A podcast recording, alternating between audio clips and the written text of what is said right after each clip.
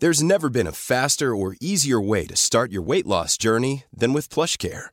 PlushCare accepts most insurance plans and gives you online access to board-certified physicians who can prescribe FDA-approved weight loss medications like Wigovi and Zepbound for those who qualify.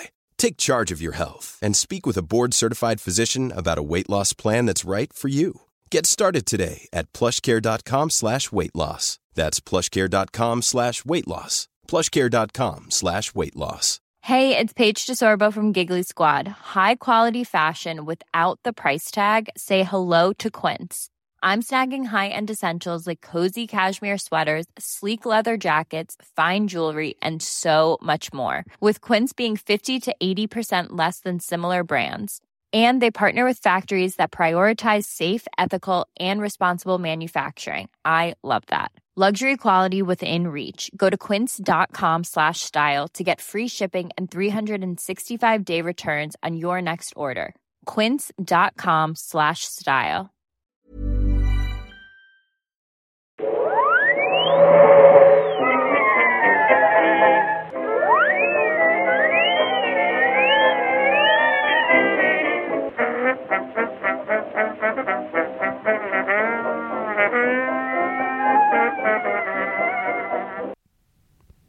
Då börjar jag i stort sett bara.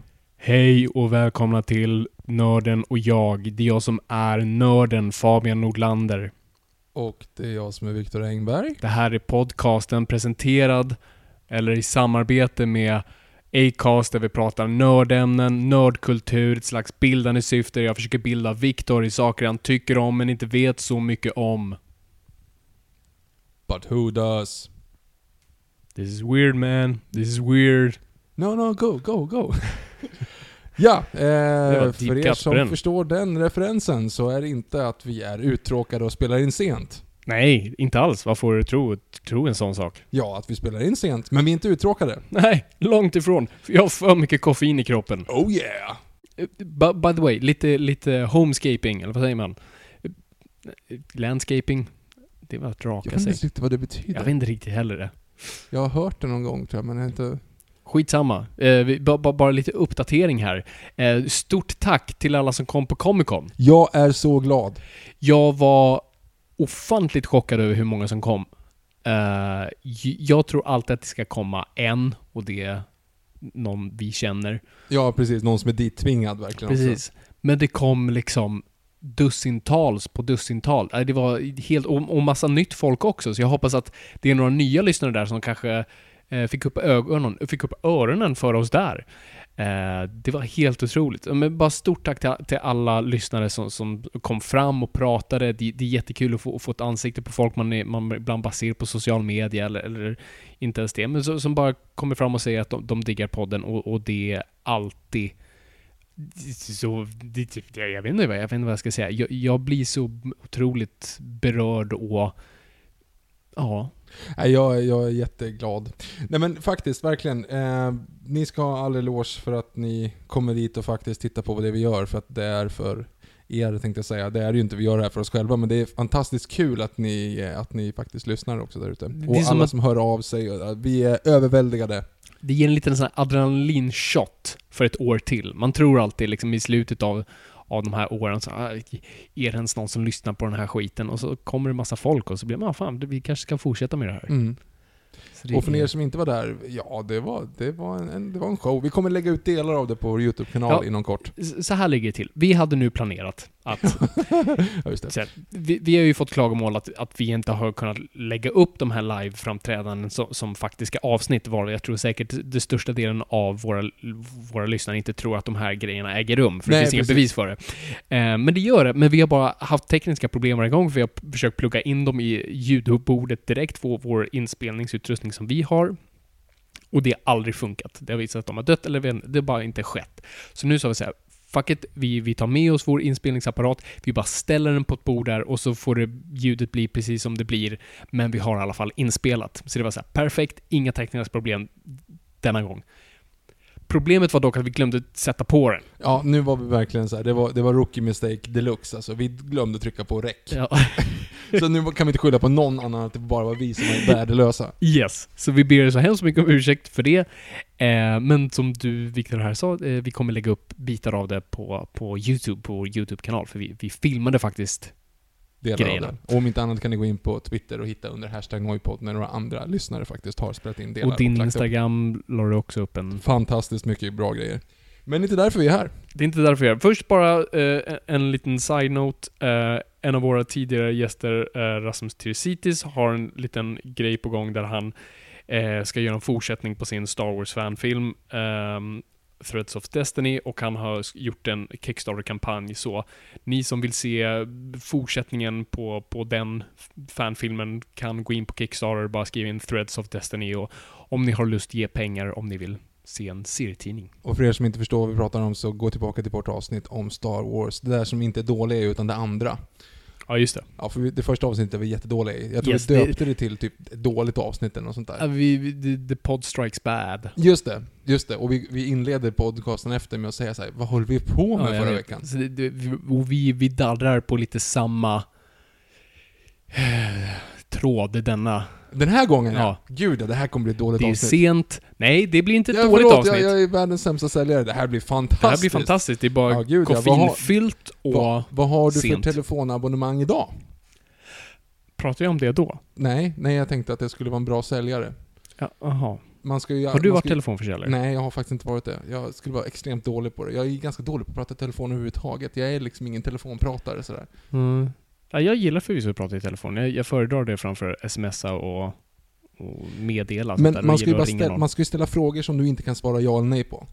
Precis. Det fick jag också höra. Det här, det här är så de lurar nu med, med, med den moderna tekniken. Säg aldrig ja i något slags Det här är ju inte den samtal. moderna tekniken. Det är en, det är en råttan i pizzan-legend som hållit på i 20 Det är det år. säkert. Men det var en gång en, en, en weird telefonförsäljare som försökte bara få mig att säga ja. Och, och jag vandrade omkring det. Jag tror jag lyckades. Ja, okej. Ja, vad bra. På tal om paranoia. Eh, vi ska prata om Philip K. Dicks ehm, Blade Runner. Eller Ridley Scotts Blade Runner, men som börjar som Philip K. Dicks Do Android Dream of Electric Sheep. Prosit. Tack. Det ska vi Eh, göra. Det är det vi ska Eftersom- prata om Eftersom idag. det kommer en ny film typ idag. Som, eh, som, som, bara- som Ja, är liksom samma tema. Så att nu jäklar, nu går vi tillbaka i tiden här och pratar om det tidigare eh, fenomenet. Men Fabian, eh, börja från början. Yes, nej men Blade Runner eh, ska vi såklart då prata om som det nya eh, Blade Runner 2049 kommer ut här.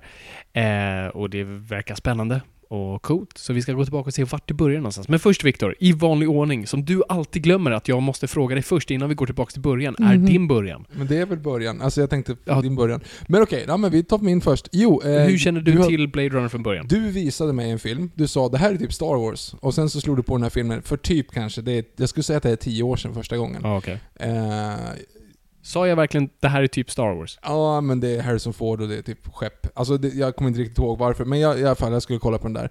Du har, du har haft några såna här streaks där det inte riktigt gick bra. Okej, Eh, nu måste jag tänka. Eh, Fear Loathing Las Vegas. Det gick inte bra. Eh, The Wall. Gick inte bra. Mm, vilka mer? Bram Stokers Dracula gick inte skitbra heller. gick den inte bra? Nej, för att du satte igång, det är precis samma fenomen som den här. Jag kunde inte bedöma den på ett vanligt sätt eftersom du slog igång den typ så kvart över tre en natt. Bara såhär, den här filmen är bra. Och så liksom så börjar förtexten och jag ställer en fråga och du typ Shh. Okej, det var verkligen, okej, ja, men nu ska jag försöka sitta med. Så jag kom, jag kom på det nu när jag såg om den. För jag såg om den, vad ska man säga, för första gången. Så jag såg den för första gången fast den andra gången jag såg den. Eh, bara för en vecka sedan då, här med dig och lite bättre förberedd. Och då fick jag en sån här Pavlovsk reaktion eh, när, han, när de jagar varandra i det där ödehuset mot slutet. Ja. Eh, att jag kände mig sömnig, för jag kommer ihåg att här somnade jag sittandes i fåtöljen men låtsades att, att jag var vaken när jag såg den första gången. Så jag kommer inte ihåg ett skit av den första. Okej. Ja, det där ser man. Ja, Så det är ditt fel. det är mitt fel. Jag ber om ursäkt. Jag, jag, jag, jag, jag har verkligen dåligt samvete för alla filmer jag har förstört. Som jag försökte Nej, har inte introducera inför dig. Men du har inte förstört dem på något sätt. Jag, jag ser gärna om det. Alltså at Las Vegas skulle jag kunna se om nu antar jag, för att den var, det, var, det var jättedåliga förutsättningar. Eh, var, det, var det på ett landställe med en tvåtums TV Ja. och ödlor som har sex på hotellgolv? Ja. Och sen så händer en massa saker på skärmen också. Så att jag, Ja, just det. Ja, sen började filmen, precis. Ja, precis. Ja, nej men vi, vi ska se om alla de här grejerna. Ja. Eh, jag vet inte vilket avsnitt vi kommer komma in på Fear Loading. Ja, Terry Gilliam-avsnitt antar jag. Jag tror inte vi kommer göra Hunter S. Thompson-avsnitt. Johnny Depp-avsnitt. Jaha, nej, nej. Terry Gilliam troligtvis. Ja, jo. Eh, the Hamster Wheel in the Background. Eller vad den heter. Förlåt? Det är väl den när de eh, när är eh, 12 Monkeys.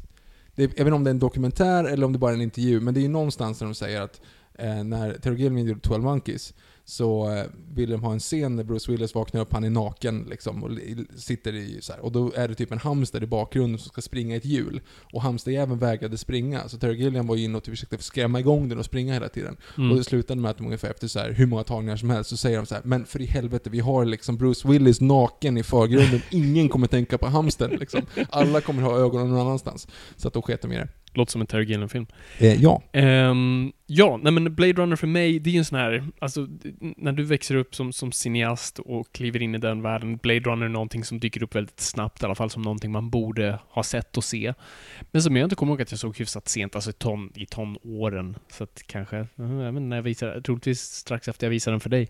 Ehm, Ingick du för övrigt i, i Land Rover, Land Rover 97 då? Förlåt?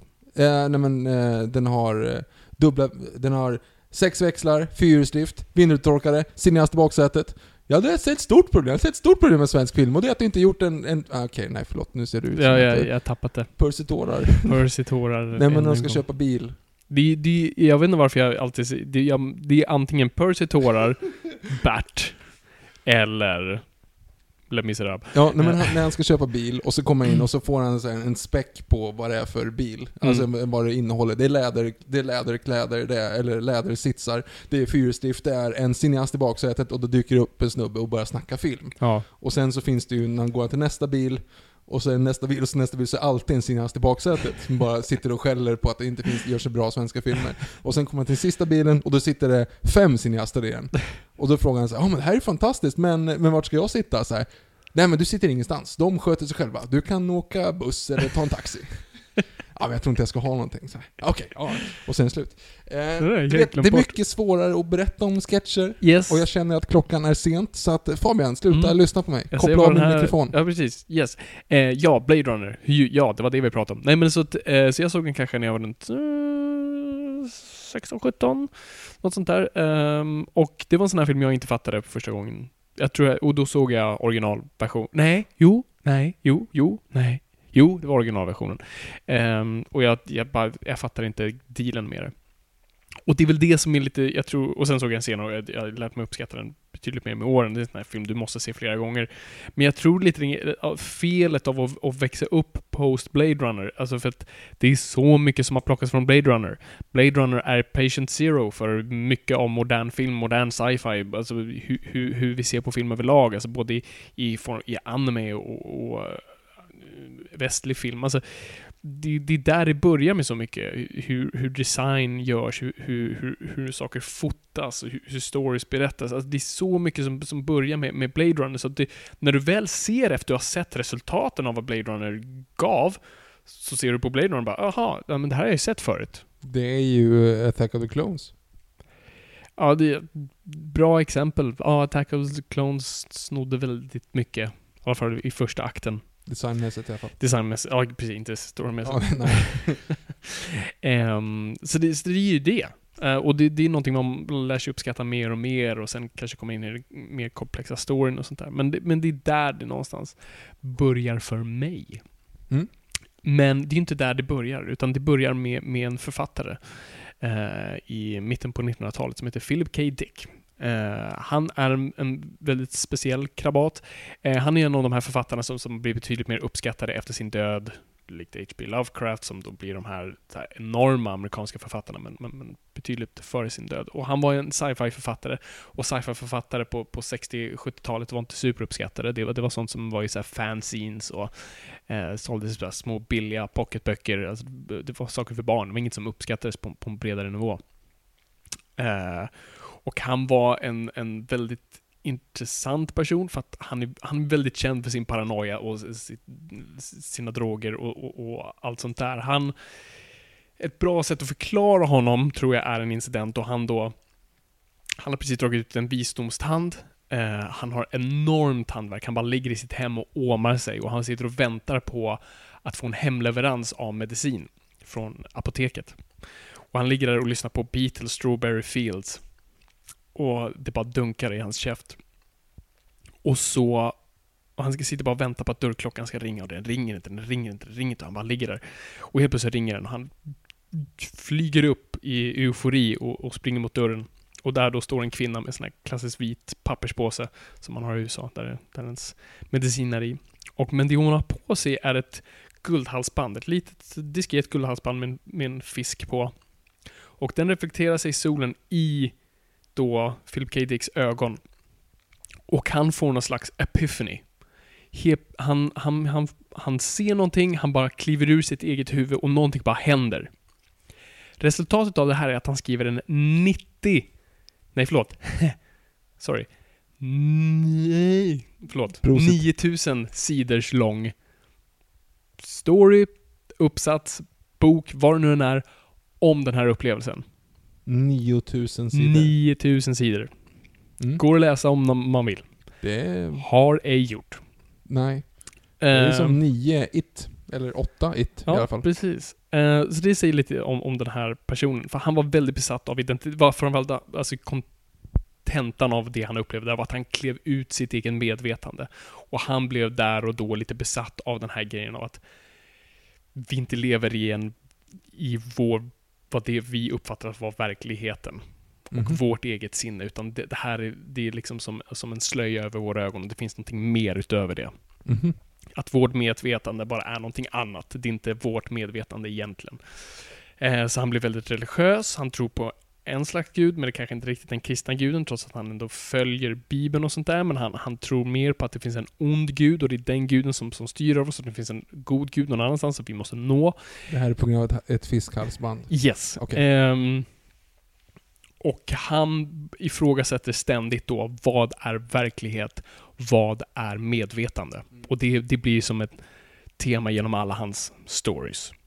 Och eh, han blir känd som en person som, som skriver, han går på då amfetamin eller något sånt, någon slags sån där drog eller medicin som får honom då att skriva dagar i ända. Han skrev liksom kanske fem dagar i sträck, dag och natt, och sen kollapsade, sov två dygn och sen var back and working Mhm. igen.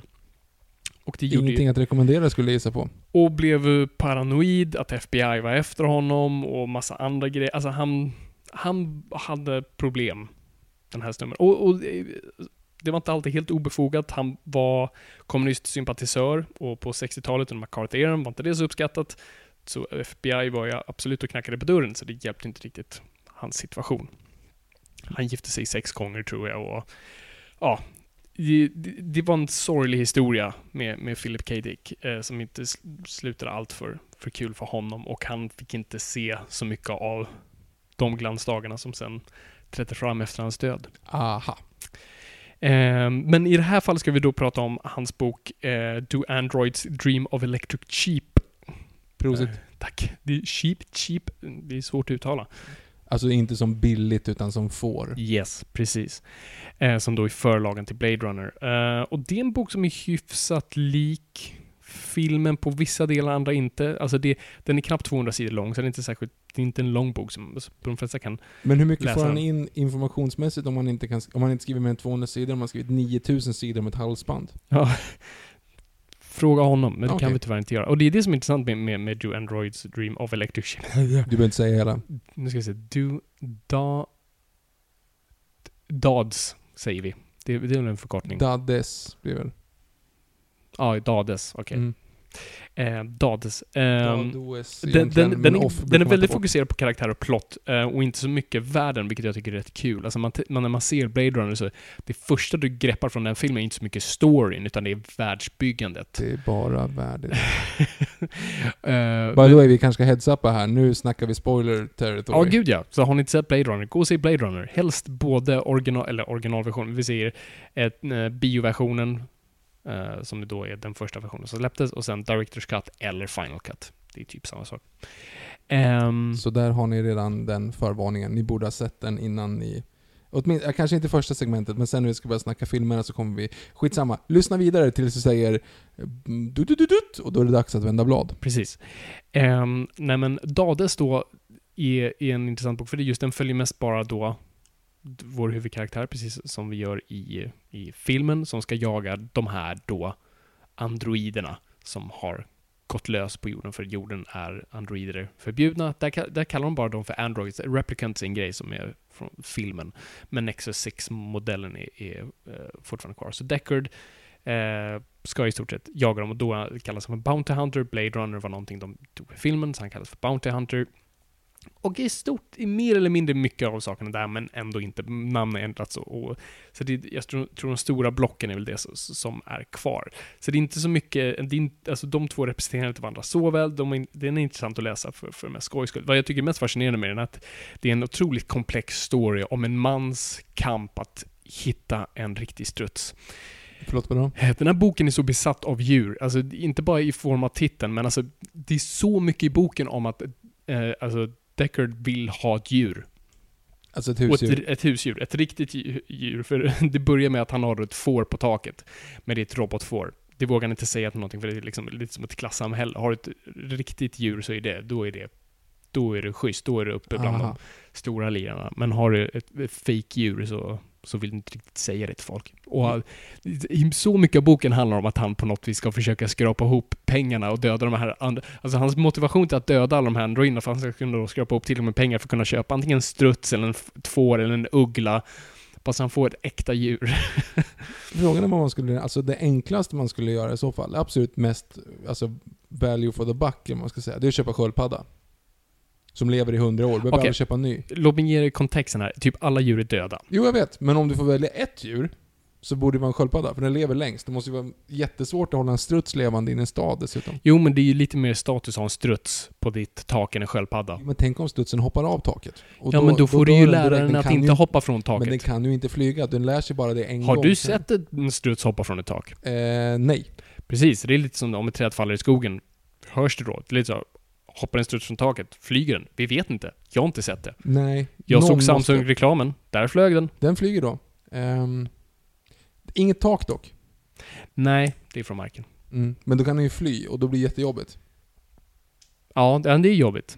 Varför spelar det någon roll egentligen om det är på riktiga djur eller om det är fake-djur? För Därför djur, all, nästan alla djur är utdöda. För mm -hmm. det, i boken så är det mer då, då har det varit ett stort världskrig.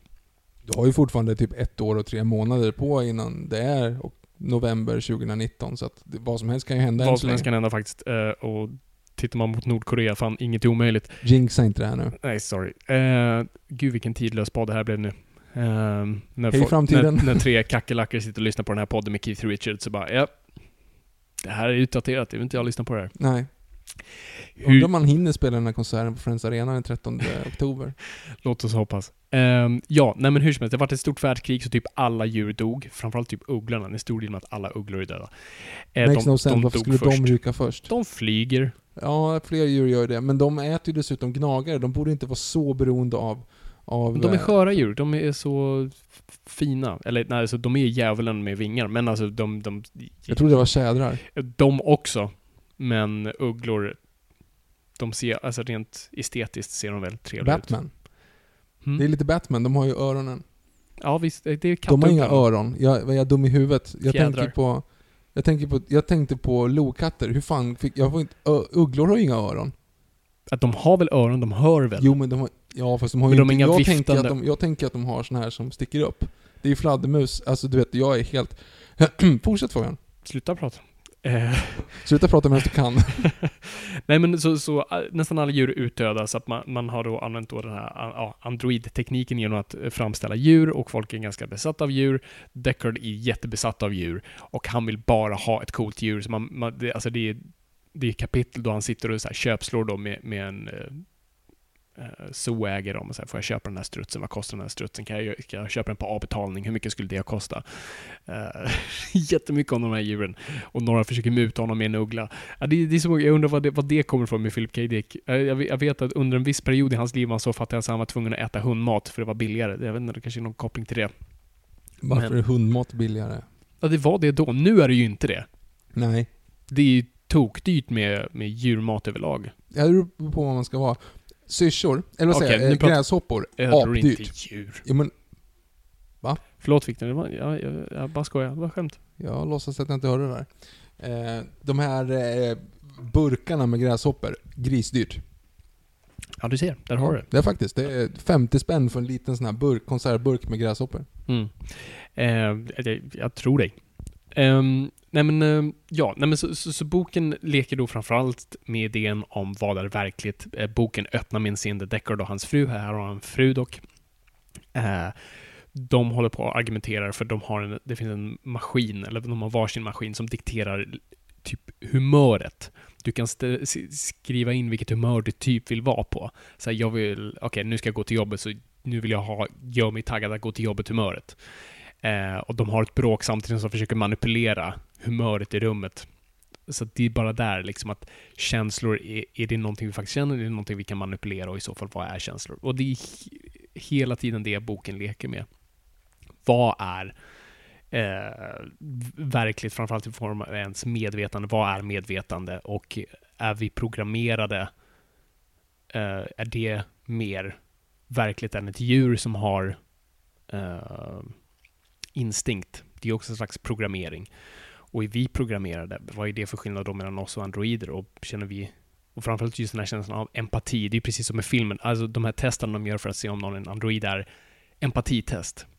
Hur gestaltar vi empati och hur, hur tar empati form? Och det är en väldigt mänsklig grej och det är någonting som är väldigt svårt att replikera. Och särskilt då i form av android. Och det är en väldigt stor grej att du kan lista ut en android för de kan inte ha ett husdjur. För de, de kan inte hantera det. Mhm. Så det är lite sådana idéer leker med. Så det, den, den leker med väldigt roliga idéer som, som jag tycker är väldigt rolig. Ehm, så där har vi en utgångspunkt lite som, som filmen kanske börjar med, men kanske inte riktigt sen. Den går sin egna väg. Mhm. Ehm, men det är där boken i stort sett är. Ehm, och du, kan väl lika gärna hoppa till filmen. Vi gör det. Och vi slänger upp nu redan den på bordet här att eh, nu är det spoiler territory. Så att eh, har ni inte sett filmen, någon av versionerna, så eh, kan ni lika gärna ja, ta ett tåg eller åka taxi. Yes. Något, något av dem. Ehm, ja, nej men eh, Blade Runner. Eh, det börjar då med, med en manusförfattare som heter Ham, Hampton Fancher. Fancher? Fincher? Nej. Fincher tror jag inte han heter. Nej, det är Fancher. Jag kan inte uttala hans namn. Ehm, och han är lite down on his luck. Han har inte så mycket att göra. Eh, han får liksom sympatipengar av typ kompisar för att säga gå och gör någonting, du är så jävla jobbig. Eh, men han vet inte vad han ska göra. Och, eh, men det han ändå funderar på är att han borde göra någonting kommersiellt, inte bara någonting konstnärligt som gör honom glad, utan göra någonting coolt. Så någon föreslår, men ska, ska du inte bara adaptera någonting? Vad sägs om den här Philip K. Dick? Han gör rätt intressanta grejer. Och han tänker, ja fine, det, det skulle jag kunna titta på. Och ganska snabbt då så dyker eh, Dades? Da, da, Dadas? Dadas? Hans bok. Hans bok, den som vi precis pratade om. Ja, Den om en man som, som vill ha ett husdjur. Det hade varit Poppers pingviner. där har du det.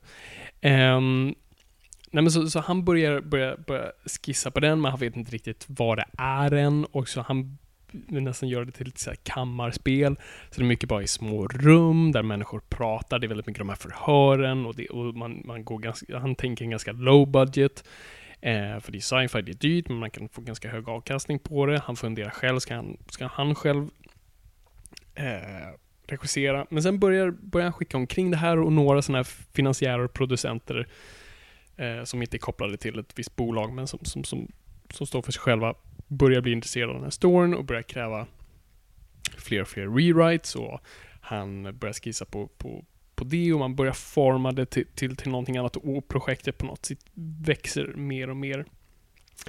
Eh, och, men där kommer ju också frågan om så här, titeln. Det är inte sån sexig titel med Do Androids Dream of Electric Cheap. Prosit. Tack. Eh, det är inte så sexigt. Så att eh, en idé de har, eller framförallt vad Hampton har, det är att eh, han ska döpa den till mm, Macho... Nej, Mekanismo är det. Mm. För att han hade sett i någon inte, annan bok. in- inte macho mekanismo utan mekanismo. Ja, Mekanismo. inte Macho Mekani- Mekanismo. Det Ehm, låter som en så här, annars en, en så mexikansk wrestlare. ja, faktiskt. Macho mekanismo. Det är säkert. Eller en travhäst. Ja. Finns det någonstans man kan slå upp vad... alltså, För en travhäst får inte heta samma sak. Två får inte dela samma namn. Nej men ofta så har de ju att de, de har ju ett, ett, eh, ett efternamn, eller vad man ska säga, från uppfödaren. Ja. Alltså, typ Victor är Tilly till exempel. Då är ju Tilly själva travnamnet. Så det finns säkert Peter Tilly också. Okej, så de får ha samma efternamn? Ja men det är ju vilket stall eller vilken uppfödare det är. Ja. Eh, så det fanns ju till exempel, nu vet inte jag om, jag, nu, nu killgissar jag, men det fanns en som hette Järvsö Fax. Det var, det var en helt fantastisk, Mm. jättebra häst. Varför har ingen döpt den till Skuggfaxe? Det är en De väldigt bra fråga. de som ägde någon måste, någon, för någon hade säkert redan gjort det. På 60-talet. Nej, Järvsö ingen- han lever tror lever han fortfarande? Legolas dog ju ganska nyligen. Um, Orlando Bloom? Järvsö Fax lever fortfarande. Ja, hästen. Ja. Ja, inte, ja, inte, inte Alven. Han lever ju för evigt. Ja, just det. Mm. Men för jag undrar liksom, måste man liksom börja, alltså snart måste man börja få slut, för man, det känns som att de börjar gå ganska långt med, med, med vilka namn. Nu är det liksom 33 Tia och eh, Bacardi. Alva Alvarez, Alva B. Alvarez. jag är inte jätteinsatt i trav, jag har bara de här... Jag tycker du, har inte du varit på travgrejer? Ja, jag, inte, jag, jag har ju, äger ju en t-shirt där det står RIP Ego Boy. Du ser? Ja, jag går omkring rätt ofta faktiskt. Ja. Ja, ja. Det, vi var ju på, vi, vi gjorde ju liksom, vi gjorde en, en pilot en gång Mhm. i tiden, du och jag. Och då var vi på, eh, på Solvalla och då hade jag den här eh, RIP Ego Boy t-shirten på mig. Då kommer det också fram en lite, för vi intervjuade massa folk. Då kommer det fram en liten dam och säger någonting. Ja, vilken fin t-shirt! Och jag tänker, men du, ja, ja, ja, tack. Så, här, liksom. så fortsätter hon att börja prata Bort om från mig, smutsiga människa! Nej, men vi håller ju typ inte på att spela in, så det var bara så här, ja, ja, ja, ja men kul. Vi håller på, liksom, vi håller på att fixa, fixa lite grann här, så att, eh, så, här, Bort från mig, smutsiga människa! så sa jag inte alls, men hon var väldigt, hon var väl, hon ville jättegärna prata med mig. Eh, och jag, vi stod ju och höll på med annat, liksom. vi höll på och gjorde, kollade linsen och så, jag vet inte vad det var. Så visade det sig att hon var hon, den som födde upp då Ego Boy. Hon var Ego Boys ägare. Vilket var helt sjukt. Det, jag borde ju varit starstruck förut men jag inte visste vem det var. Så att, ja, men det kom fram lite väl långt in i... Precis. Ja. Och och hon måste nog ändå tänkt, om han har den här t-shirten, han borde ändå veta vem jag är. Ja, hon är typ Så hon, för hon ansåg, hon pratar ju nästan som att du borde veta vem Ja, jag är. ja, Och inte på ett arrogant sätt, utan så här, ja, du är ett fan uppenbart. Ja. Kul att träffa dig. ja, men för sen så spelade vi in ju, vi filmade ju henne också då. Mm. Och jag typ så här. varför kastade du den där diamanten eh, ner i havet? Du skulle ha gett den till Bill Paxton, för han har sökt efter den flera år. Du vet, och hon bara säger ja nej men jag hade ju eh, Victor, jag hade ju Ego Boy och han bodde ju hemma hos mig. Och jag bara, mm, vadå? Vänta, va? Vad sa du? liksom. så, att, ja. Eh, så då kommer fram liksom mitt i, man ser hur liksom poletten trillar ner och så Ja. oh, shit, det är ju fan hon ju. Ja. Ja, det var rätt var ju tufft. Mm. Men han dog ju för, ja shit, han dog för 40, han dog 73, 74, 73, 74, 75, 76, något sånt där. Över 40 år sedan i alla fall. Så det var ett tag sedan. Där ser man. Det låter som en häst Deckard skulle vilja ha. Ja, Han hade dödat många androider för att få en äkta Ego Boy. ja. De kan man ha på tak. Travhästar på taket. Ja. Det Ja. låter som något ordspråk. Nu har du, nu har du travhästar på taket, unge man. Ja. Nu vill jag vatten på mitt kuvert. och den som gapar efter mycket välter oftast liten tuva. Om och om igen. Om och om igen. Ah, du anar ugglor som får kläder. I, få, i fårakläder. Ja, just det. Mm. Professor Jordstäv. Det var Nile City-referens för den som missade den. Din kajplats i etern. Yes. Åh oh, gud. Det här är, det här, ja. Oh. Ja, eh, ja, inne på dåliga idéer. Eh, så att Mekanismo eh, vill ingen annan ha. Eh, så Dangerous Days är någonting de leker med. Som Mm. titel då till. Låter väldigt 80-tal. Det är väldigt 80-tal. Förvisso är det här på 70-talet, men, men ändå. Det, Ja, jo, ja, mm, ja precis. Sent 70-tal. Tidigast 80, antar Mm. jag. Ehm, nej, men, och, och nu börjar man ändå leta efter liksom, vilka regissörer ska vi kunna sätta med det här. Och det hetaste namnet i Hollywood där och då är Ridley Scott. Som är skithet från Alien. Och eh, man kontaktar honom, men då är han mitt uppe i att han ska göra Dune. Dune, Dune. Jag titlar idag. Dune. Det är mer brittiskt. Dune. Dune. Dune. Dune. Som, Dune. du- som duntäcke fast med ett E. Ja. Dune. Och mer utan täcke. Amerikanskt. Eh, han ska göra Dune. Ehm, Vad heter den filmen de ska göra i Argo? Är inte det... Nej? Eh, Det är inte Dune. Vad är det de fejkar och ska göra då? eh, ja, vad fan är det för manus? Ja, vi kommer inte komma på det här Nej. nu inser jag, så att vi skiter i det. Vi Vi, skiter i vi det. släpper det där. Men det var inte Dune i alla fall. Nej, men det var en sci-fi romp Mm. av något slag. Ja, nej, men så Ridley Scott är skithet, men han ska göra Dune och han är inte så intresserad av att göra så jävla mycket sci-fi som han ändå har igång. Eh, men Dune drar ut på sig och är en lång process och mitt i allt det här så dör Ridley Scotts bror i cancer och eh, han blir ja, såklart bestört eh, och gör som jag tror många gör i tragedi, man bara vill gräva ner sig i jobb.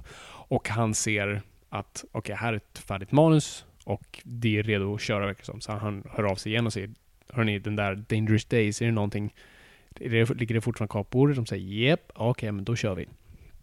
Så nu har de ju honom på. Då kan de låsa de finansiella bitarna. Warner Brothers med, de har många privata finansiärer. Eh, så jag tror den får en budget upp mot 20 miljoner, vilket är väldigt mycket. Ehm, så att de, de sätter helt, de liksom tutar och kör direkt. Ehm, och problemet här då först är då, ja, manuset behöver piffas till. Eh, så du har Hampton då som får sitta med Ridley Scott och Ridley Scott är verkligen en sån här, han går på känsla, han går på vad han liksom bara känner där och då och går mycket på intuition. Och eh, det, det blir ett par manusversioner, det blir ganska många manusversioner och Hampton blir bara mer och mer nedgrävd i sin egen, vad ska man kalla det? Sandlåda. Ja, okej, jag var inte det jag letade efter, men vi, vi kör på det. Um, jag förstår det, jag kan sympatisera med, med, med att skriva på tok för många versioner kan vara själsmördande. Um, för det är jobbigt. Um, och till slut så, så ger i stort sett Hampton upp. Han, han, han, han klarar inte av det längre. För Scott bara sitter där och bara vräker ur sig massa liksom, grejer. Så här, vi kan ha det här, låt oss göra det här, vi kan inte ha det. Um, och Hampton bara liksom, nej, jag, jag pallar inte längre. Så att eh, de är tvungna att ta till en annan, en till författare, vilket blir David Peoples, som är framförallt liksom lite känd för att han är duktig på att liksom, skriva dialog. Så han får manuset skickat till sig, och som man ofta så förväntar sig när man får ett manus skickat som behöver piffas till. Det är inte så bra. Men han får då älska det och säga jag behöver inte göra någonting på det här. Eh, men det, inte, det skiter ju alla andra i vad han tycker. Så det är liksom bara You right, right boy. Eh, Sitt här i hörnet med din skrivmaskin. Precis. Manusfattare är oftast inte kanske så här, i, i hierarkin i Hollywood är vi liksom jag höll på att säga Harry Potter, vilket är en bra grej, men tänk dig Harry Potter innan han blir en magisk pojke då han bor under en trappa. Och leker extremt o... Alltså, klassas det som lek, det han gör med hästen Hmm. i Philosopher's Stone? Du vet när han, han Ja, bara jag- jag drar vet hästen exakt. lite Jag tror det klassas som barnskådespeleri. Ja, gör säger- något. Lek. Ja. Och ett barn vet inte hur man leker, de bara gör. Mm. Så då är det så här, okej, jag dunk, dunk, Jo men dunk. så antingen så är det helt fantastiskt av Daniel Radcliffe som är uttråkad. Alltså du vet, alltså att, att Harry Ja, Potter är det ett, ett, eh, det. karaktärsgrej liksom. Att Harry Potter ska vara asuttråkad och gör Troligtvis någonting det. tråkigt. Troligtvis det. Nej, troligtvis inte det. Alltså, det Daniel Radcliffe tror inte att, att tog den här kreativa friheten när han var typ sju. Alltså, och skulle göra de här grejerna. Eh, Men det, det får ju känslan av att Harry Potter ligger bara liksom och tänker på annat och leker med en häst. Den meningen lät jätteweird. Mm, och det var inte riktigt det vi pratade om nu heller, så att vi släpper det där. Tillbaks till hästar. Eh, vilken är din favorittravhäst? Jag tror att det är Legolas. Okej. Eller Victor Tilly, för att jag trodde att det hette Victor Tilly ganska länge. Vann Elitloppet 2001, skulle jag säga. Jag förväntade mig inget svar på den frågan. Nej men det var det. För att eh, jag ser man. skulle köpa, eller jag köpte första ödlan samma dag. Lizzie? Japp. Okej. Jag skulle hämta den typ på lörd eller på söndagen. Nej just det, måndagen. För jag skulle hämta den på söndagen och då vann vi, då, men då var vi på Elitloppet och då vann Victor till Elitloppet. Så var jag då på måndagen sen och hämtade. Men jag har för mig att det är 2001, eller om det är 2000. Har jag haft ödlor i 17 eller 16 år Fabian? 17. Mm, då är det nog 2000. Ta mig inte på orden, jag kan googla det, men vi kan podda utan Google, så att Och- hör inte av er. Ja. Yes. Vilken är din favorithäst? Ehm, Jag sa tra, du sa travhäst, så annars är det ju hästen i... Jag gillade hästen i Trassel, jag såg filmen Trassel. Tangled heter den också. yes. Eh, relativt nyligen. Helt okej film, bättre än Blade Runner. Fortsätt Fången. Gud, vad heter... Vad heter Zorros häst? Det är typ såhär Tornado, någonting sånt där. Vad fan heter den? Nu har jag glömt bort. Jag är ett gammalt Zorro-fan. Har den ett namn? Den har ett namn. Jag tänker ju på Hero, men det är Fantomens. Det är Fantom. Det är också en bra häst. Det är en bra häst. Det är en cool häst. En bra häst i en dålig film annars. Eller en, en... Nej, den är inte så bra egentligen heller. Lone Ranger-hästen. Den står typ upp i träd och såna här saker. Ja. Mm, och då ska det är ett stick att han säger weird horse. There's something wrong with that horse. Just det, så är det. Det var en jättedålig imitation. Jättedålig imitation av, av Johnny Depp. Johnny Depp som i sig gör en dålig imitation av Ja men han ska, han ska ju vara lite såhär... tant, Tanto... tonto. Tonto. Tonto Ton- tänker jag, men det är ju mad. Ja, just det. De är alltid så finurliga de där. Ton, tonto. De, de, de, de ser en hink och bara Vad finns i botten på den här? Oh. Jag har berättat när jag gjorde min egen Star Wars-film och tyckte att det var jätteroligt skämt att den hette Stjärnornas krog i Mad. Ja, just det. Eh, men när jag skulle göra en egen så glömde jag bort skämtet. Så jag visste komma ihåg, komma ihåg krog. Så jag döpte min film, så skulle det vara en Star Wars-komedi, till Star Krog. Det var helt okej att stjäla på den tiden, men jag stal fel. Så att, Ja, gud, mm. som när vi gjorde vår Pokémon-film. ja. Eh, då vi bara tog a- riktiga Pokémon-leksaker bara och döpte om dem. Som min Pikachu hette Onix. Nej, du hette Onyx. Jag hette Onix, Du hette min Onix. Pikachu? Typ Bulbasaur eller någonting. Ja, något sånt där. Vi hittade bara på. Vi gick så här långt ner på listan så här. Det är 150 stycken, ingen kommer lära sig alla de här. Vi tar någon på typ 123 plats. Så, Electrabuzz hette den. Electrobus, Ja. just det. För det var lite electric. Ja. Vi I gillar just want Electrobus. to dance. I'm electric. I just want to dance. När Victor börjar citera låttexter, det är då vi vet att det är dags att vända blad och fortsätta. Ja. Eh, ja, nej men så, så manuset skrivs om då med, det är Blade Runner vi pratar om för övrigt. Bara påminner er, så att jag inte glömmer bort. Victor satt i halsen. Um, David Peoples tar över och, och skriver om mycket scener och dialog i manuset. Alltså, en av de tidiga versionerna har en jättecool inledningsscen som inte jag förstår varför den inte är kvar.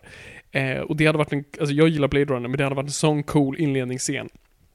Och då hade man öppnat på, jag tror det är Deckard, eller, eller kanske någon annan Blade Runner som sitter i en stuga. Um, helt själv, han bara sitter i en stol, vi ser solen långsamt gå ner, han bara sitter, han väntar på någonting. Helt plötsligt så, så kommer ett fordon, vi ser inte exakt vad det är. Och eh, någon kliver in genom dörren och det är en person som är, som är liksom täckt i, i, i någon slags här mm, bondegear, inte ens bondegear, men någonting, liksom en stor bara dräkt. Um, du tänkte säga något? Vad fan är bondegear för någonting? jag alltså vet man ska, inte. man ska så här, projicera fram någonting i ett huvud. Så här. Ja, jag ser bara en Hur stråhatt och Ja, men, så, ja, strå i en munnen. bon- Hur ser en bonde ut? Ja men det är stråhatt och så här, tugga på ett så här. Och Ja, men han ser inte jag ut så. är en fattig bonddräng men jag... Jag skjuter han med Det var, hagel. det var inte Alfred, eh, utan det var, det var, men det är nå han är klädd i nästan som en beekeeper suit, Mhm. kan man säga. Ehm, En beekeeper, alltså biodlare för er som lyssnar på det här och är från Sverige. herregud, vi är så glorifierade, vår generation. Det är illa. Ja. Ehm, ja, så den här personen kliver in, eh, ser personen som sitter i stolen och väntar på honom, men ignorerar honom. Går till spisen där det står en stor mm, gryta med soppa. Och han rör soppa och eldar på den här soppan.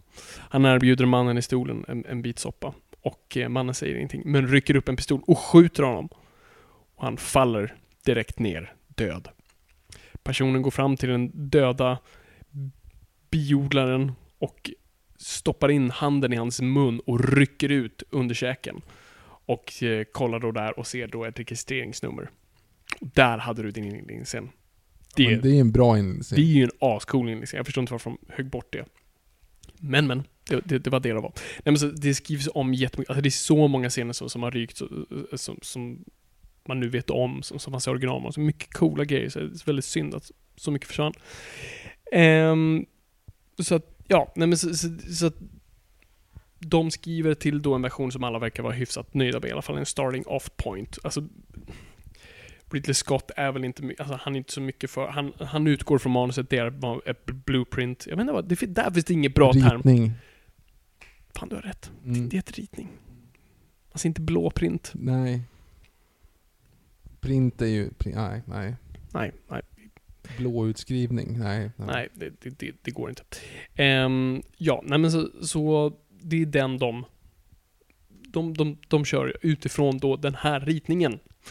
Eh, och då, Skissen kanske man skissen kunna kan man säga. Ja. Det är en skiss. Fast inte på ett, man kan inte sätta ett skiss på ett manus. Nu är jag nära på sidetracka igen. Fortsätt, fortsätt Fabian innan jag säger någonting. Vad var du nära att säga? Börja sidetracka igen. På vad då? På andra saker. Okej, Fortsätt. vi fortsätter. Nej, och nu börjar man så här, vem ska gestalta den här Deckard? Börjar man nu fundera på casting, börjar komma in ganska snabbt. En, en favorit hos Ridley Scott är Dustin Hoffman. Men ingen av producenterna tycker han ser ut som en hjältekaraktär. Han är liksom ganska kort och har mer liksom ett karaktärsskådespelaransikte som är i Hollywood eh, språk för ful. Eh, inte mina åsikter, Hollywoods åsikt. Eh, och han är liksom en fysisk skådespelare. When you're ready to pop the question, the last thing you want to do is second guess the ring. At Bluenile.com, you can design a one of a kind ring with the ease and convenience of shopping online. Choose your diamond and setting. When you find the one, you'll get it delivered right to your door. Go to Bluenile.com and use promo code LISTEN to get $50 off your purchase of $500 or more. That's code LISTEN at Bluenile.com for $50 off your purchase. Bluenile.com code LISTEN. There's never been a faster or easier way to start your weight loss journey than with PlushCare. PlushCare accepts most insurance plans and gives you online access to board-certified physicians who can prescribe FDA-approved weight loss medications like Wigovi and Zepbound for those who qualify. Take charge of your health and speak with a board-certified physician about a weight loss plan that's right for you.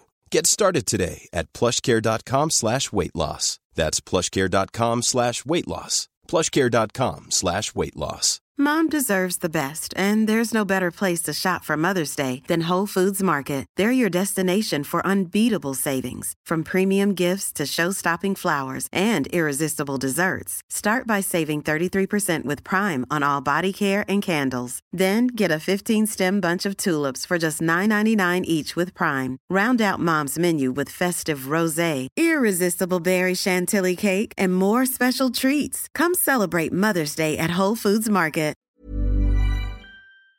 Men, men det var ingenting man, man, man, man var intresserad av. Men Ridley Scott gillade just han och hans sätt att han var en slags method actor, så han var intresserad av att se hur den här personen skulle kunna gestaltas. Men, eh, men det blev inte av. Så det är många namn som, som cirkulerar, så många eh, liksom A-listers.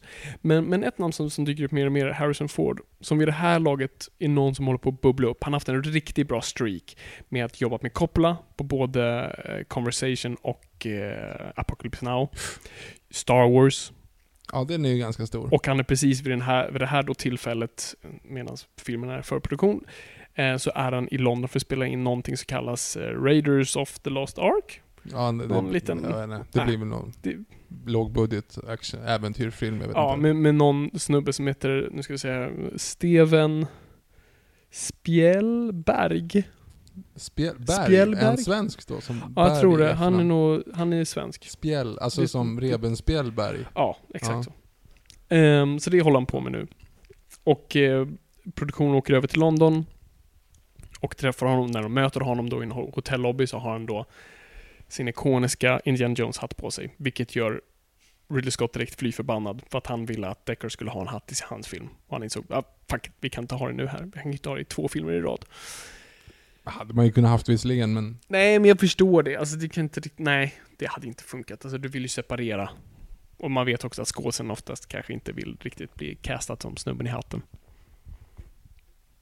Det finns ju värre saker. Det tycker jag är kul, eller riktigt kul, men det är, jag gillar att kolla på hatten i, i Cowboys and Aliens eh, med Harrison Ford, för den är så icke-Indiana Jonesig.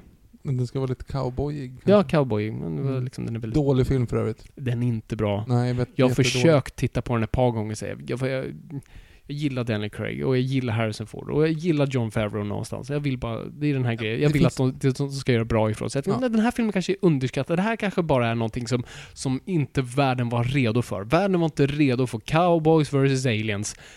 Nu tittar vi på det och yeah. Det är jättetråkigt. Det är som Abraham Lincoln Vampire Slayer. Det är liksom, låter jättebra på, på ritningen.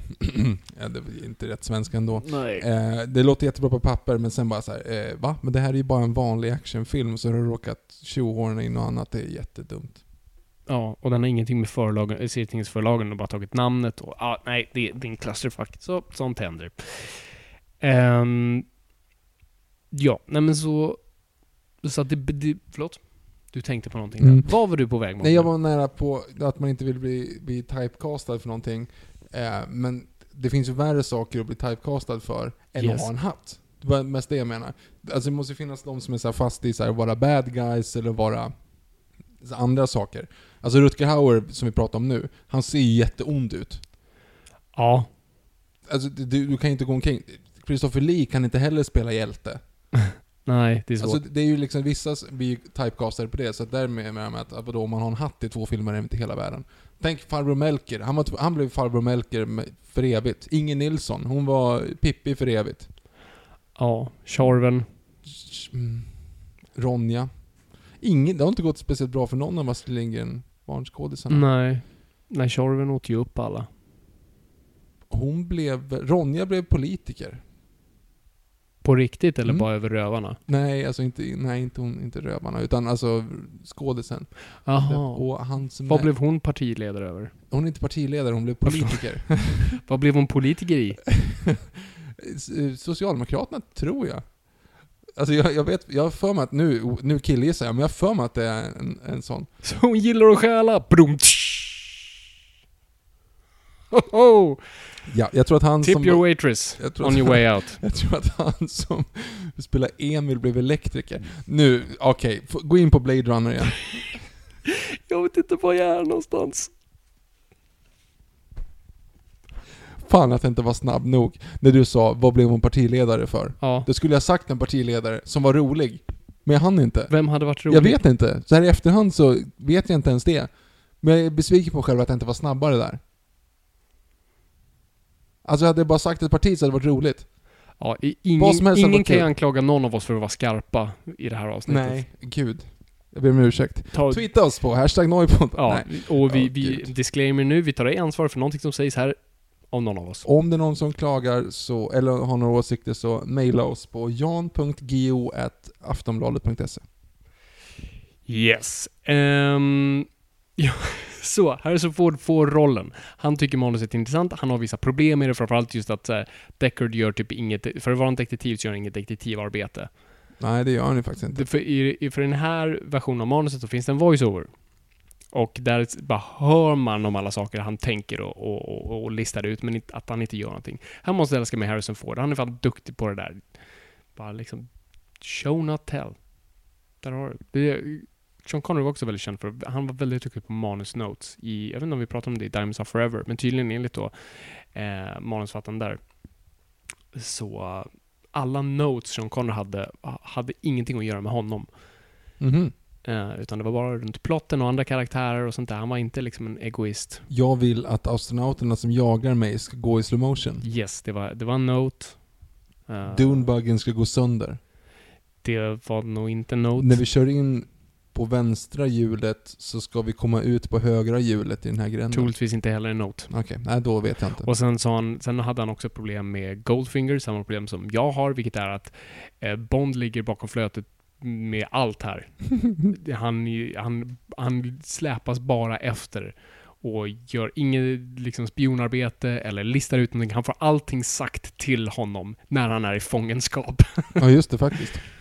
Därför Jag och det är därför jag har problem, ja, vi har pratat om det, eh, och det är därför jag har problem med den och det är därför jag har problem med Skyfall. Som är nog, alltså de två är så här, många Bond-favoriter.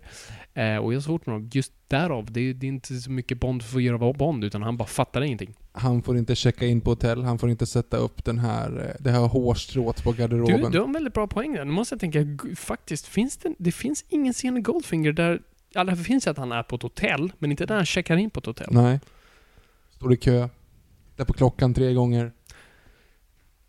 Mm. Mm. Finns det en väldigt bra scen när han är i, i flyget. Där är ju lite så han kollar efter saker där han blir spionerad på. Så det, det är ju lite det där och han överlistar. Det jag menar inte det med att han ska, stå, han ska komma in på ett hotell, ställa sig i kön och checka in. Ja, ja, det det ska han Till göra. tonerna av... Det, de, har inte checkat ut i rummet ännu så han får vänta en stund till. Precis. Men Mr Bond, eh, incheckningen är inte förrän klockan tre. Klockan är nu 14.37. Du får sitta ner och vänta. Och så sitter man och tittar på honom oklippt när han sitter och väntar i 23 minuter. Han måste läsa de tidningar som finns där och det är liksom motortidningar från några år tillbaka och det är inte så roliga bilar utan det är så traktormotorer och sånt Ja. där. Och sen en Amelia-tidning Mm. eh, som bara handlar om liksom hur du får bröstmjölkning att fungera bättre. Mm. Eh, och sen Mjölkning också. Gud. Uh, lät jag som en snubbe som inte har någon aning om vad jag pratar om just nu? Svar ja. Svar ja. Som sagt, ni vet disclaimern. Ni vet vad ni ska skicka er mail till. Så, Klockan är kvart över ett. säg inte vad klockan är Viktor. Nej okej. Det här är ett tidlöst avsnitt som så här, folk som är genuint intresserade av Blade Runner, som har slagit på det avsnittet, vill veta vad det är som försiggår. Så de kan nu gå och se ett Blade Runner 249 och liksom vara med på vad som händer och inte vara en James Bond i Goldfinger, utan vara med. Jag tror de är väldigt besvikna på oss just nu. Ja. Jag med. Fortsätt nu då. Yes. Hästar. Ehm, jag har listat ut... Nej, heter han Desperado? Nej. Det Why är... don't you come to en Eagles-låt. Och jag tror inte den handlar om en häst. Nej, men det är Elaines favoritlåt. Nej, det är inte Jättekul. Elaine. Hon dejtar en snubbe. Nej, jag vet. Det är Som- underbart. Som bara stannar upp varje gång när låten spelas. This is our song. Det är som perfekt låt att välja också. Underbart. Om det är någon som kommer ihåg vad eh, Soros häst hette, hör av er på Har vi inte släppt det här? Det är typ en 20 minuter som vi inte pratar. googla det, utan jag vill höra det från någon som har det i bakhuvudet. Hur ska du veta om de googlar eller inte? Jag bara Hur ska du litar veta på... om det är rätt? jag om de litar på skriver att- Desperado? Jag litar Hur, på... om de skriver Desperado, hur vet du om det är rätt då? Om du- de inte jag har får ju googlat? googla sen och bara bekräfta det. Varför googlar du inte själv i så fall då? Därför jag litar på våra lyssnare. Okej. ja. Och jag vill någon, någon nu som skriker i sina hörlurar liksom, det är skuggfax eller vad de nu heter. Mm. Ehm, ja, säger det. Och får det ur sitt system.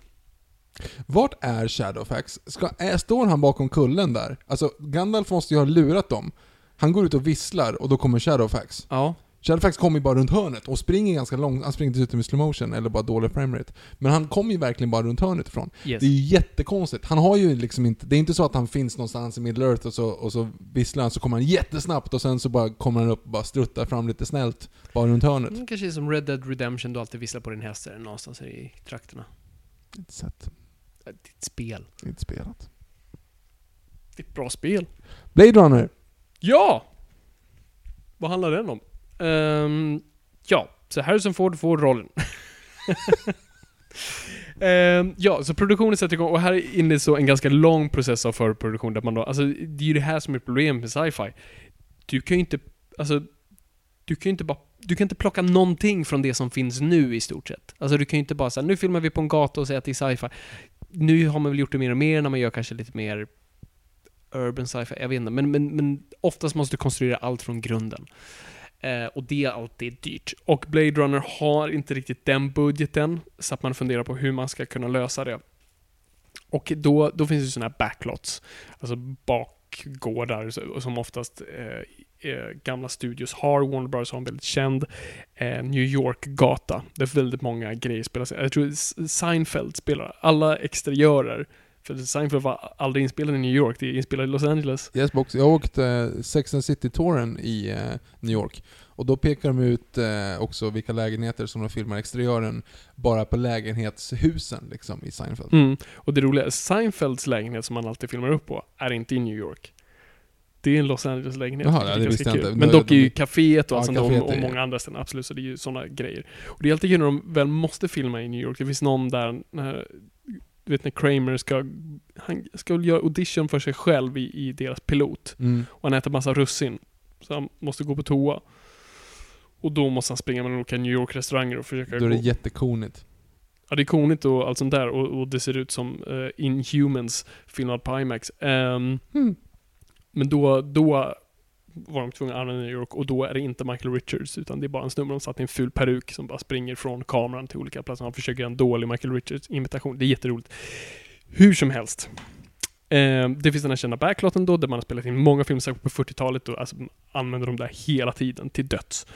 Eh, så man tänker, men det här kan vi använda, men vi bygger på det. Vi konstruerar inte en nytt, nytt scenario, utan vi bara bygger utifrån det. Och där kommer den här väldigt kända då, som då är det här det börjar, som vi nu bara är väldigt vana vid. Men just när man, liksom, när allting är nästan ut och invänt. Vi, vi ser en, en, en urban framtidsdesign där på något sätt allting känns, liksom, allting är på utsidan. Vi ser alla slangar, vi ser sladdar, trådar och skit och allting hänger på fasaden. Ingenting är dölt, ingenting är på insidan. Allting är på ytan. Och eh, det- är så man konstruerar och det, det, det är inspirerat både designers och sen då filmskapare i framtiden. Och det man framförallt sen då löser allt med är tre saker. Mörker, vi filmar på natten. Mhm. Två, regn. Mhm. Tre, rök. Mhm. Då ser man inte ett piss. Nej, precis. Så då alla som tycker att det där är en sån fantastiskt så artistiskt, stilistiskt grepp, så är det bara så här, vi, vi hade inga pengar, vi var tvungna att gömma det, är- allting. det är inte av stil utan necessitet. Japp. Och, och det är inte att ta någonting ifrån de briljanta designerna och den alltså, briljanta eh, Ridley Scotts öga. Eh, det är såklart det är design bakom där och, och, och absolut en, en idé. Men, men på något vis, är, hade de haft pengarna hade de nog gjort någonting betydligt slik. Alltså, Ridley Scott var ett stort fan av 2001, men han visste att han inte hade råd att göra 2001 i samma slika stil, utan han var tvungen att bara skita ner det. Lite Mm. som man gjorde i Alien också. Um, så det är en lång process av för produktion. Bygga, alltså man måste bygga alla bilar, alla farkoster, kläder, alltså allt måste upp från grunden. Det, det är en riktig jävla process. Men det är här, det är därför man anställer Ridley Scott. Ridley Scott är ju, han är ju främst alltså en, en visuell regissör. Alltså han, han, du anställer honom för hans öga. Och, och jag tror på något vis, alltså nu kommer kanske folk bli arga, men han är lite av en Zack Snyder. För han är inte en skådespelarregissör, vilket oftast märks. Alltså när, när han jobbar med amatörer eller oerfarna eller någon som inte klickar med honom så blir det oftast inte bra. Men han är en sån här person som omringar sig av riktiga alltså A-listers och riktiga bra skådespelare som, som kan hantera att bara vara på egen hand. För det är lite så han gör. Att han bara anställer bäst personer för jobbet och sen låter han dem vara. Och så han kan fokusera på hur han ska ljussätta en scen. Och det är lite liksom Zack Snyder-grejen också. Men jag tror Zack Snyder bara inte haft lika bra manus. Eller skådisar. Nej, vissa bra skådespelare har han haft. 300. Eller den är over the top Då alltihop, Michael Fassbender där. Ja, jo, han, har, han är ju inte så jätteframstående kanske i den filmen. Men, eh, den, den är ju väldigt pastisch också, så det spelar inte så stor roll. Jag släpper det. Släppt. Sockerpunch. Yes. Eh, Sockerpunch. Sockerpunch. Bra svenska. vi är väldigt, Engelska. vi är på hugget idag. Gud. Ehm, nej men så inspelningen drar igång. Eh, det är en ganska ökänd inspelning för att det är, den är lång, den är tuff, den är jobbig för de filmar alltid på natten i då fake-regn eh, med en jävla massa rök runt- alltså, och, och en hostil miljö och framförallt här är Ridley Scott han fokuserar sig bara på det visuella. Uh, han är inte intresserad av att kommunicera med någon egentligen och inte på ett särskilt bra sätt. Han är väldigt mycket av en regissörs regissör. Alltså han är en chef. Han är inte intresserad av att skapa relationer utan han vill bara få bilden. Så han kunde ha, tillbringa timmar, alltså, alltså, nästan, alltså, i vissa dagar filmar de inte ens en enda frame film för att de bara höll på att ljussätta skiten eller ville på något vis fånga någonting. Det är ju den här väldigt kända scenen då Deckard först möter Rachel uppe här då i, i den här eh, Tyrells stora, liksom, vad, ska man, vad ska man kalla det för? I toppen av pyramiden. Eh, och då, Ja. då ser man ju det här, allting ser ut som det, det reflekteras i vatten. Men det är inget vatten där. Utan det är så konstiga reflektioner mot väggarna och mot alla karaktärer. Och det var någonting ingen annan fattade, men det var någonting Ridley Scott ville ha. Då var de tvungna att lösa det. Och det tog en jävla massa tid. Eh, och allting skulle vara perfekt. Så det är många sådana, lösningar. Han ville ju ha att eh, alla replicants ögon skulle då lysa Eh, och det, det var också en process av att så här, man, man filmar, du ställer upp kameran och sen sätter du upp ett glas framför kameran vinklad åt ett visst håll och sen har du en lampa strax bakom den och skådisen får knappt röra sig och då får den här perfekta reflektionen som man ser att kattdjur oftast har när man typ lyser på dem. Mhm. Ehm, det är rätt läbbigt när man råkar gå förbi en person. Har du upplevt någon jag sett i en människa?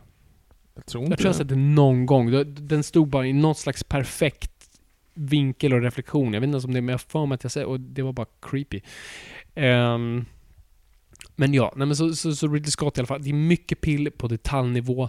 Det här retar ju Harrison Ford ganska mycket. Som, Mm. som är van vid det här laget av att vara ganska involverad i processen. Att han ändå är del av det på något sätt. Han är inte bara en gun for hired som går från sin trailer till inspelningsplatsen och säger sina repliker och går hem, utan han är liksom med. Men, men Ridley Scott är inte inbjudande på, på så vis. Och så är det Sean Young som, som inte har gjort mycket, som har spelat Rachel.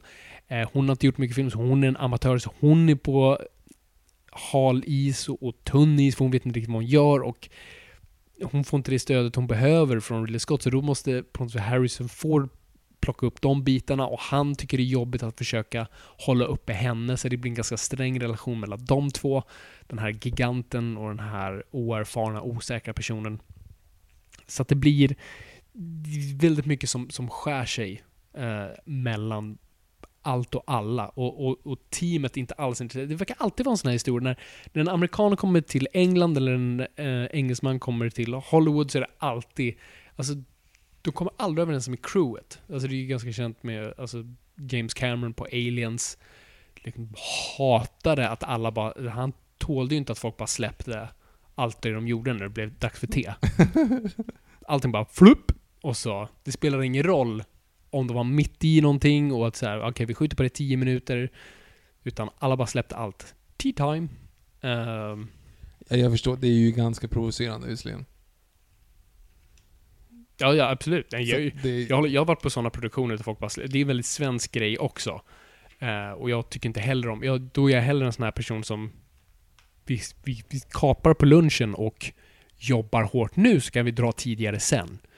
Men jag har varit på många produktioner där man bara liksom... Nope, nu ska jag ha mitt kaffe. Så, ja, inte lätt. det är inte lätt. Um, så att det blir, det blir bland annat, så mitt under inspelningen, det är, det är någon brittisk tidning som kommer över och intervjuar Ridley Scott, där, där, liksom han, där de frågar honom vilket, vad tycker du bäst om, ett engelskt crew eller en amerikansk crew? Han säger engelsk för att dö. Han pratar med en engelsk tidning, klart han måste säga det. Någon får höra om det här, så någon köper typ en bunt tidningar och lägger liksom i fikarummet så alla kan läsa. Um, och eh, då printas det upp t-shirts där det står Yes gov my ass. För att det, Ridley Scott sa det, det är så engelsk crew jobbar. De säger bara Yes gov, alltså governor, och gör det de blir tillsagda. Och de säger Yes gov my ass. Ridley Scott svarar på det här genom att köpa en väldigt extravagant kaptenshatt som man bara eh, lägger scrambled eggs på och sen trycker en t-shirt där det står Xenophobia sucks. Ja, gud. Alltså Xenophob- varför gör man inte bara filmen? Exakt. Det här är inte så konstigt varför filmen då drar över budget och över tid och finansiärerna blir väldigt nervösa. För att han skjuter så jävla mycket film, Ridley Scott. Han är lite av vid det här laget. Det är han inte lika känd för nu som, men alltså en David Fincher-karaktär som, som tar jävligt många tagningar och inte av rätt anledningar. Det är inte att prestationen inte sitter, utan det är att ja, men den där skuggan i bakgrunden var inte riktigt som jag ville ha det. Åh, jag vill ha mer rök där. Åh, kan vi... Alltså, han målar en bild. Och därför måste han skjuta mycket film och film är dyrt. Nu kan ju, alltså David Fincher kan ju skjuta hur mycket han vill. Nu kostar tiden, men det är inte materialet som kostar. Så att det var ju helt annan deal då. Nej men så, så produktionen drar över budget och, och drar över tid och folk blir väldigt nervösa och det diskuteras om att plocka bort Ridley Scott men de förstår samtidigt att det, ingen kan ersätta honom. Alltså det, nu har vi köpt honom, nu får vi deala med honom men vi höjer temperaturen på honom. Men efter mycket om och men, de lyckas ändå bli klara. Men det betyder att de måste skala ner på tid och eh, specialeffekter och, och vad det framförallt är. Alltså den här dealen de gjorde med finans- finansiärerna var att ju mer då pengar de kunde få i form av då, om de drog över budget, då måste ju någon vara där med pengarna. För nu var det inte, alltså Warner Brothers var bara en del av av det finansiella. Det, alltså nu, nu var det inte de som stod som en studio som backade upp hela vägen. Men så ju mer pengar då finansiärerna gick in med i form av övertid, fick de mer makt. Och framförallt över klippningen. Så till slut var det så, jag tror Warner Bros också hade den här delen, Om filmen var över två timmar så fick de klippa precis som vad de ville för att få den till två timmar. Och det är det som, som då tar oss in till postproduktionen. För att de klipper filmen, eh, Ridley Scott gör, han åker till England. Det är en sån här klassisk grej man gjorde, jag tror man fortfarande gör lite. Man, man lämnar Hollywood så ingen kan knacka på dörren. och särskilt då, det är inte som man kan säga, kan du mejla mig vad ni har gjort idag? Utan det är en jätteprocess av att skicka liksom dailies. Så att man är i England och, och på något vis, folk håller sig undan. Så jag tror den första katten är närmare fyra timmar. Den är pisslång och när de tittar på den, Ridley Scott säger till mig liksom, det här är fantastiskt men jag förstår, inte- jag, jag förstår inte ens vad den här filmen handlar om. Vad betyder det? eh, och framförallt finansiärerna får panik när de ser det här.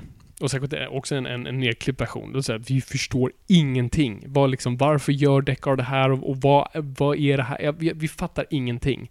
Hörrni, den där voiceovern vi hade i tidigare version, varför inte ta tillbaka det? Ridley Scott är först motvillig, men är lite såhär, ja, ah, okej, ja, det, det är kanske är det vi måste göra. Så att Peoples dras in igen för att skriva ytterligare dialog, att piffa till det, eller dialog, monolog, alltså piffa till den här voiceovern, att, eh, att fixa till den och få in det snyggt i filmen på något sätt. Och Harrison Ford har i sitt kontrakt att han måste göra voiceover om det skulle behövas och det måste han. Och han är inte superlyrisk över det. Vilket hörs. Det hörs jättetydligt. Det, det här är ju ganska legendariskt och ni vet säkert om det. Och det, det var det vi refererade till i början till min väldigt entusiastiska inledning. Det, det, det är så han låter. Han låter som han vill bara sätta sin blaster i munnen där och då och bara trycka av avtrycken.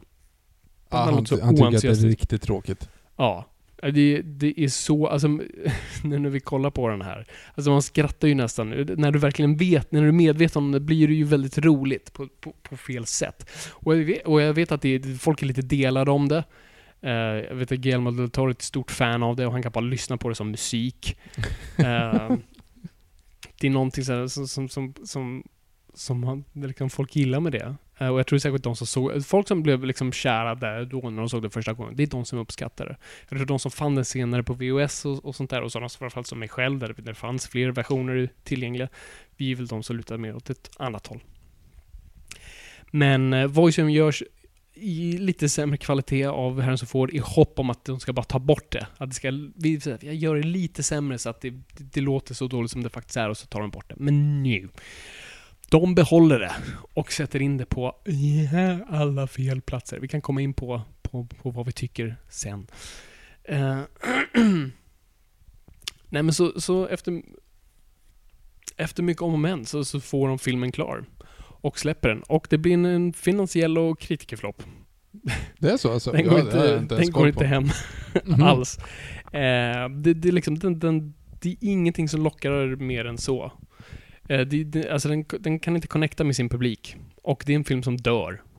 Och försvinner. Och det är inte förrän flera år senare VOS dyker upp och, och det får lite av och TV och sånt där. Den börjar finna, finna en publik. Och sen då mycket senare kom ju då den kända Directors Cutten och sen såklart då Final Cut och sådana där grejer. Och då har den, alltså den, den nådde ju kultstatus med, med tiden.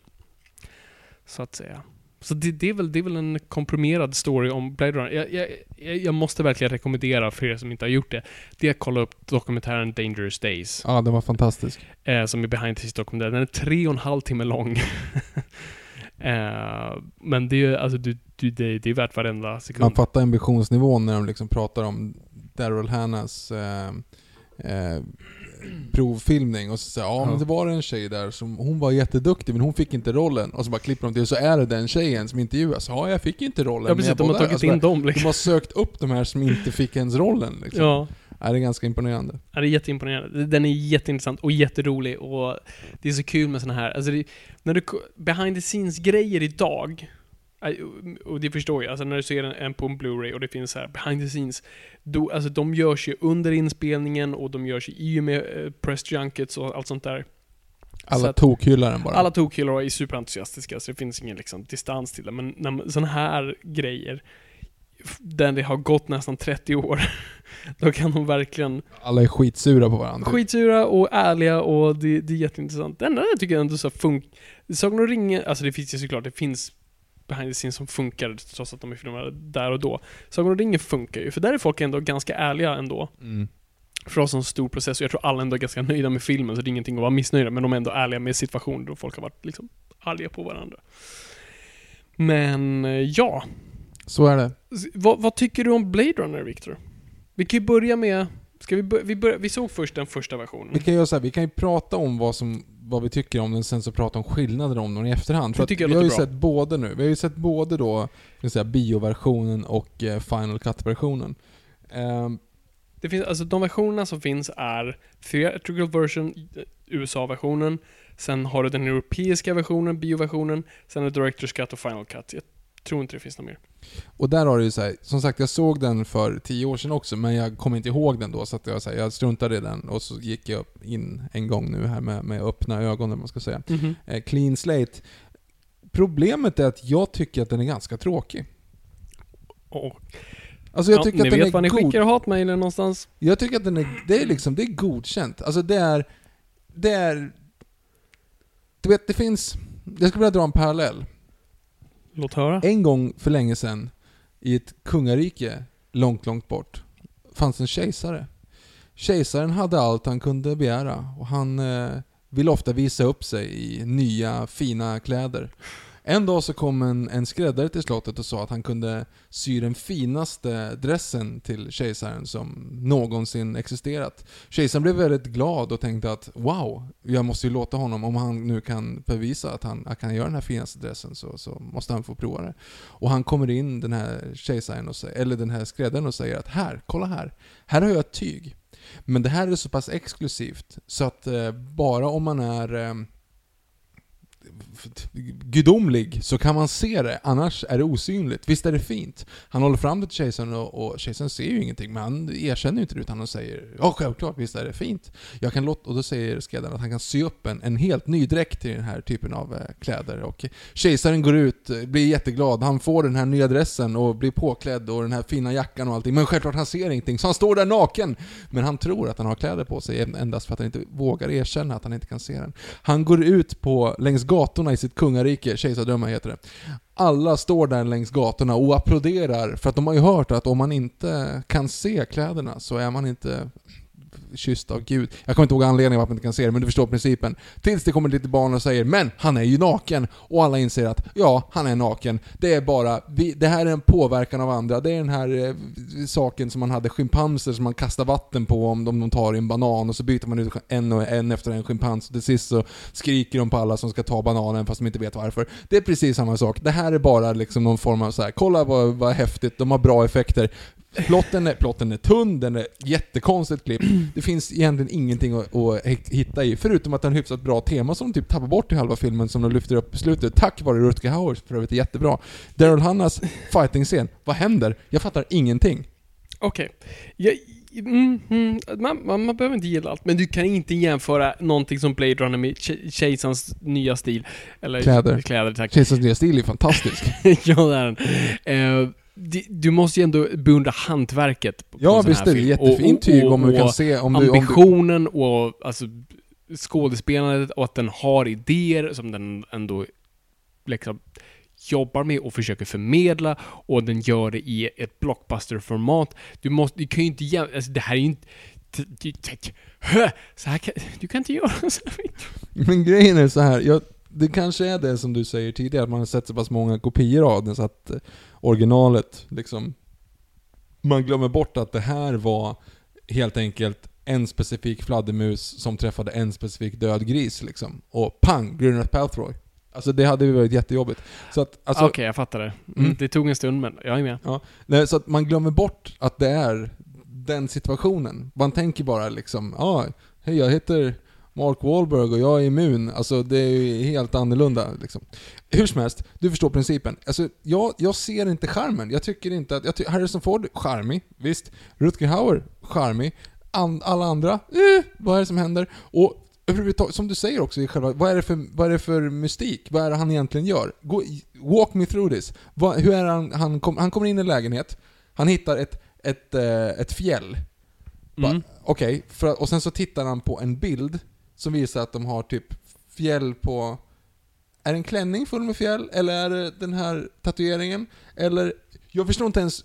Alltså, hur kommer han fram till de där sakerna? Råkar han bara då gå in på rätt bar? Nej, utan han går ju faktiskt till... Han går först till en plats som frågar Hej, vad är det här fjället för någonting? De säger det är orm, säger de väl? Mhm. Eh, och han frågar syntetiskt eller äkta? Eh, syntetiskt, okej. Vem gör dem? Den här snubben. Han går till den snubben och säger Hej, du gör den här ormarna. Vad har du för klientellista? Ah, den är inte så stor. Okej, så säg vem du har sålt den till. Den här personen. Alright. Och han går och besöker den personen och där hittar han den baren. Ja, det är inte Och engagerande. han hittar då henne, vet han har sett henne på bilden och därav förstår att ah, det är hon. Mm. Jag tycker ändå, alltså, jag är inte engagerad. Jag är, jätte, jag är jättetråkigt att jag säger så här, men jag är inte engagerad. så här, jag tycker man får tycka vad man vill. Tack. Jag, jag, tycker dock du har, jag tycker du är lite väl hård. Och jag tror en sån här film du kommer behöva återbesöka mer. Jag har sett den två gånger på en vecka nu. Yes. Men jag tror du behöver se den mer. eh, jag tycker absolut, det, det, det jag tycker är viktigt att säga med en sån här film, den är inte perfekt. Den är imperfekt. Den har ganska stora fel. Men det är det som är lite fascinerande med den. Och det är det jag tycker är, alltså, det, är en oslipad diamant och det är del av själva charmen med den. Du på något vis, du ser sprickorna och du då tittar närmre och du försöker se vad är de här sprickorna, vad, vad, vad, vad krackelerar det någonstans? Och du går in och sen är du inne i den här världen och du är inne i den här storyn och på något vis så börjar du finna någonting i det. Och det är det jag tycker är så charmigt. Du kan för, du, jag, jag finner mig alltid liksom förlorad in. Jag, jag går någonstans vilse i den. Och eh, jag gillar den känslan av den filmen, vilket jag är i mitten av ett mysterie och mysteriet är inte så mycket plotten, för filmen är i sig inte så intresserad av sin plott. Eh, det är inte det det handlar om, utan den är intresserad av idéer och subjektivitet och hur vi upplever saker och framförallt minne och, och, och hur vi tar in information. Och jag hamnar i den processen som jag tycker karaktärerna, precis som Deckard är i. Och jag känner att det är en så otroligt häftig subjektiv film på så vis. Att jag måste orientera mig precis på samma nivå som karaktärerna. Och det är där jag på något sätt kan förlora mig själv i den. Och, och det, det är det jag någonstans gillar med den. Och, och grejen är, alltså, det, är du manusförfattare och ska kolla på bra manus? Nej, du ska inte kolla på den här filmen. Det är inte det bästa manuset i världen. Men det, det här, äh, skulle jag vara regissör och, och jag utbildar regissör, då skulle jag peka på den här bara, okej, kolla. det här är en regissörsfilm, det här är en autörsfilm, det här är helt och hållet en regissör som har lyft den här grejen. Du skulle kunna ta bort större delen av manuset och det skulle nog se ganska likt ut ändå, för att det är Ridley Scott som bara drar med oss i den här storyn. Eller drar med oss i den här världen, rättare sagt. Och det är det jag tycker, det är så mycket en Ridley Scott-film, det är så mycket en, ett hantverk. Um, och det, det narrativa i spelar ingen större roll, och det är det jag tycker är lite poängen med den. Ja men då, det är där jag, jag håller med dig om att den är jättecool och jättefin och, och det är imponerande såklart, hantverket bakom. Men som film så är det tyvärr inte det. Alltså det är det som är lite grann problemet.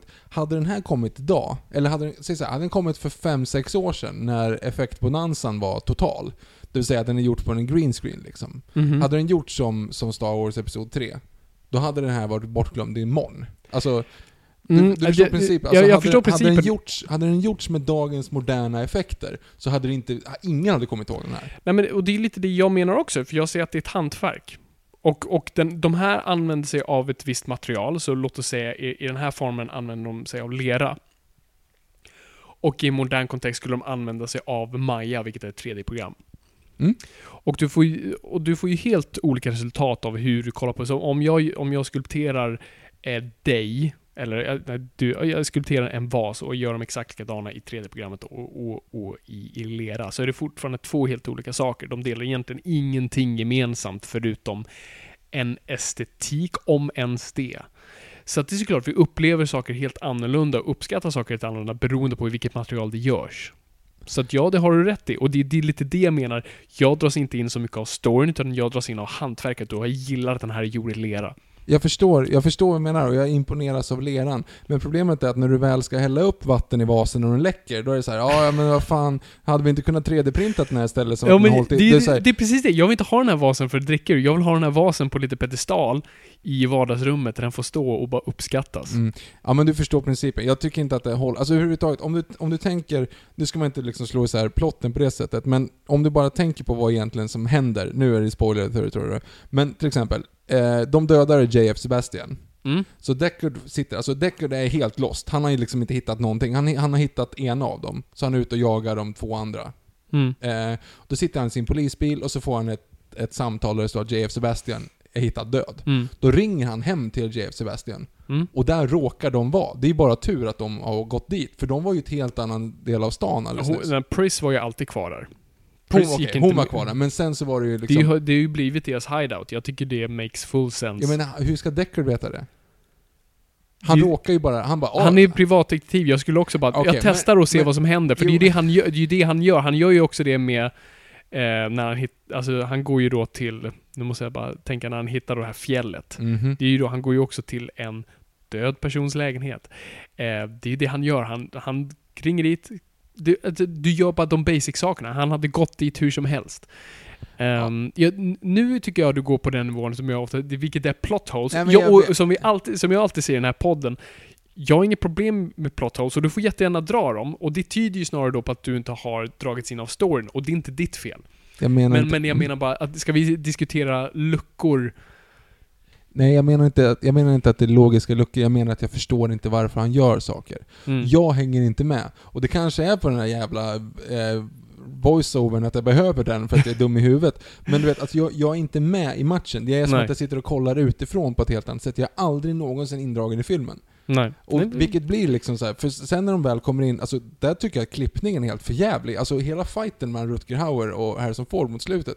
Jag vet inte vart någon är, jag vet inte varför han inte stannar kvar, jag vet inte varför han inte skjuter, jag vet inte varför inte Rutger Hauer bryter alla fyra fingrar, varför han bara väljer två, sen släpper honom och så skjuter han så, blir- så blir han rädd och springer därifrån fast han som har... Alltså, det är liksom, jag vet inte vart de är, de, det är en våning upp, en våning ner, är de fortfarande i lägenheten, vem är där, vem är han, vem är hans mamma? Alltså det blir ingen... Jag, jag skulle säga då, jag, jag, här kommer vi diskutera subjektivitet, vilket är skittråkigt att lyssna på. Men jag skulle bara säga, det är av konstruktion och jag, och jag tror det fyller en funktion av att så här, vi ska vara lika förvirrade. Alltså jag, som jag pratade om tidigare, den här filmen är så pass subjektiv. Alltså vi ska vara lite i den här mardrömmen.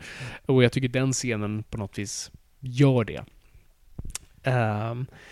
T- Ja, nej, som sagt, jag förstår vad du menar. Jag håller inte med och, jag, och du får absolut känna, men det, det vore jättekul om, om man nu liksom tar en paus här i något år, par, par år och sen får, du se den igen. Eh, och då kommer du kanske hitta någonting helt nytt i den. Men sen så är det existentiella i den tycker jag är jättefint. Mm. Alltså det vill säga, vad är det som gör någon mänsklig? Är det liksom när de, när de börjar få egna tankar och börjar uppleva liksom kärlek, Mm. avund och, och sådana saker? Det är ju jättehäftigt, för det är ju troligen det som våra Precis.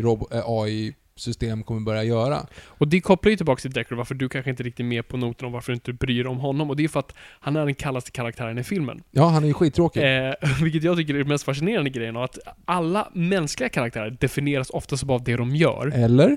Mänsklig? Eller? Okej, men låt oss utgå från att den här Ja. personen är- mänsklig utifrån vad filmen först i alla fall presenterar. Eh, alla, alla mänskliga karaktärer de- definieras av vad de gör. Eller vad de skapar. Så då har Deckard det är vad han gör, han definieras av vad en Blade Runner, det är det enda han är. Eh, du har Jeff Sebastians I make things, du har snubben som gör ögon, I do eyes, det är det enda jag gör. Eh, Tyrell Corporation, det är det enda de gör att- att skapa. Medan de enda mänskliga individerna i, i då den här storyn är, är eh, The Replicants. De definieras av hur de känner och hur de mår och hur de upplever saker. Och eh, existentiell kris. Och det tycker jag är en jätterolig vändning på det. Och det här är absolut inte en unik analys, utan det är många som råkat upp det här förut, men, men det är jättekul att se på filmen i, i, i perspektivet av att Deckard är skurken. Det är han ju. Ja, ja om du vill så kan, så Men kan han han vara det. det. För att Rutger Hauers eh, karaktär är ju på något sätt lite mer sympatiska. Hans mål är superklart. Jag vill överleva. Jag vill inte dö. Han har, han har konflikt, han har mål, han har motgångar. Eh, det så, det, det är han, om du kollar ut dramaturgiskt perspektiv så är han vår centrala rollfigur. Det är bara att fokus inte, inte ligger på honom. Han presenteras som betydligt mer läskig figur. Men Han, Han- mördar folk han, också. ja, men det gör Deckard också. jo, Eh, jo. och han beskrivs som liksom en killing machine på, på ett sätt och vis. Ehm, så, så det tycker jag är en sån, just en otroligt kul sätt att gestalta filmens huvudsakliga eh, vad ska man säga, tankar och... Eh, gud, jag kan inte prata. Ja, men man sparkar in öppna dörrar när man säger den här, ja men Eh, vad är det som definierar en, en mänsklighet liksom? Mm. Är det till exempel en, om man skulle börja klona människor, vilket inte är jättelångt kvar, vi lyckas klona får.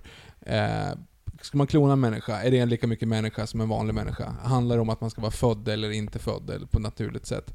Det vill säga, när han går omkring och skjuter folk, eller skjuter replicants, de flyr ju. De flyr för sitt liv. De har en överlevnadsinstinkt liksom. Mm. På något sätt så värderas de sämre för att de är, ja, för att de inte van, de är inte gjorda på samma sätt. De är, Mm. inte, de är inte födda som du och jag, men de har ju precis samma känslor. De är till och med, de säger att de är till och med, eh, eh, alltså lika smarta som en vanlig människa. Ehm, så det är ju liksom, det, är en definition av vad som egentligen är mänskligt och det är det som hela allting går ut Mm. på. Det är jättehäftigt, det är jättefint, det är liksom, jag fattar, jag fattar dealen. Mm. Men sen så, så har de ju liksom gjort det. Det är ju, vet, typ Beck-spår i mörker. Alltså det är ju, det är ju en vanlig Beck-film. Dina referenser idag. Ja men, det, ja men det är ju liksom, det är en vanlig Beck-film plottmässigt. De har, lagt, de har gjort ett canvas av värsta superundertonerna och fantastisk världbyggande, som sagt kanske inte riktigt träffar hur det verkligen blev i november 2019, men det vet vi inte än som sagt. Men i övrigt, själva mystiken och själva filmen är ju, det är en Beck-film liksom. Fast så kan du säga om det mesta. Det, alltså, det, när vi pratar om arketyper och arketypiska stories, alltså det är alltid det. Alltså Beck utgår från exakt samma utgångspunkt som alla. Alltså kollar du på Sagan om ringen så handlar det egentligen Sagan om ringen är ju taskigt. Nej, nej, men det är exakt samma. Inte, det är inte en Beck-story, men det är, det, är en form, det är en arketypisk story som handlar om några ska ta sig från punkt A till punkt B. Ondska är ont och gott är gott. Det låter skittråkigt när jag säger det så, men det beror på helt och hållet vilken värld du väljer att bygga det i och vilken kontext du väljer att sätta det i. Och det, det är där Blade Runner sätter i en så otroligt intressant kontext eh, och miljö och sammanhang där, där vi på något vis, som jag sa, vi dras inte in av storyn, vi, vi dras in av perspektivet och miljön. Eh, och det gör vi inte i en Beck-film. för Beck-filmer vi dras in med mysteriet. Vi ska inte fokusera på karaktär, vi ska inte fokusera på story, utan vi ska tänka, vem är mördaren? Och det gör de briljant på sitt sätt. Jag älskar Beck. Mm. Ehm, men jag skulle inte jämföra de här två. Det är en gång tillbaka till vasen. Det, det är liksom, vi kan göra samma sak på olika sätt, men det är inte samma sak. De har egentligen inga...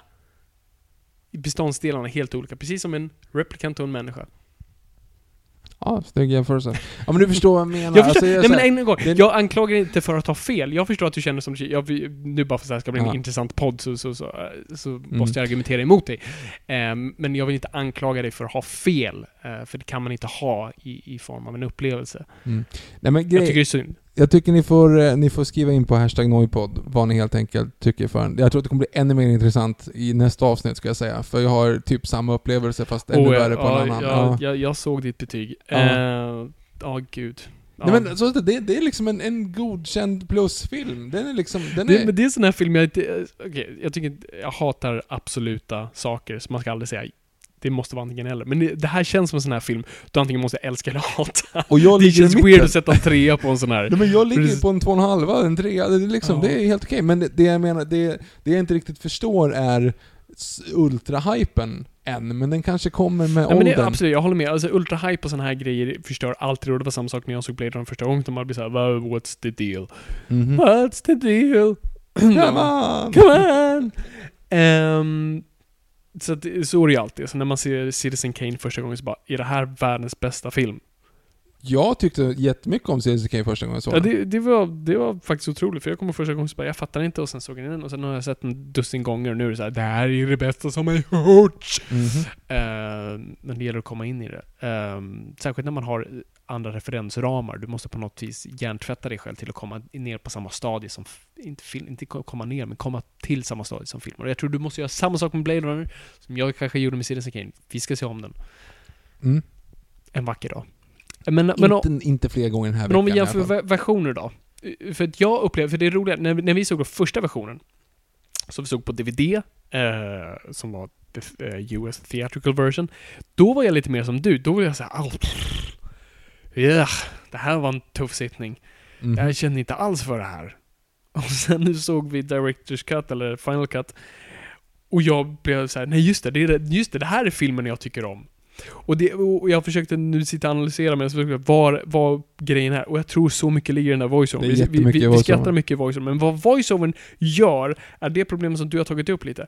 Voiceovern bjuder in oss till att tro att det finns mer. Att den säger kolla det finns ett djup här, kolla det finns ett djup till den här karaktären som, som, har, på plot, som har med plotten att göra. Som har med backstory att göra. Kolla här! Och sen så får vi inte det, utan den bara, den, den säger kolla bakom gardinen här, kolla, kolla, vi, vi har någonting bakom gardinen här.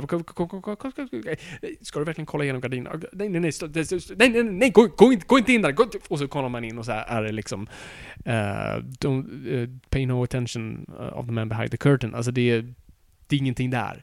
Det var, det var inte värt att leta efter från första början. Alltså, voiceovern säger saker som inte spelar någon roll egentligen. Det bara fyller i hål i plotten som jag egentligen, egentligen inte, inte är intresserad av. Vad Directors Cut och Final Cut gör är att så här, vi tar bort voiceovern för det är inte relevant för det vi vill, vill berätta. Utan ni ska bara surfa med den här filmen och, och, och bara glida på den och, och följa med var den tar oss. Um, ja, beskriv... Nej, den här orkar jag inte ens gå in i. Men det är eh, hur han kommer fram till att de är replicants eller inte. Vad har de blänkande ögonen med saken att göra? Ja, För vi har uppfattat fel saker. Ja, det, det tycker jag var en rolig diskussion vi, vi hade Mm. efter vi såg den första gången. Eh, för Jag, jag fattar det som att, Mm. att ögonen blinkar när de blir emotionellt Vänta, påverkade. blinkar? Eller börjar lysa.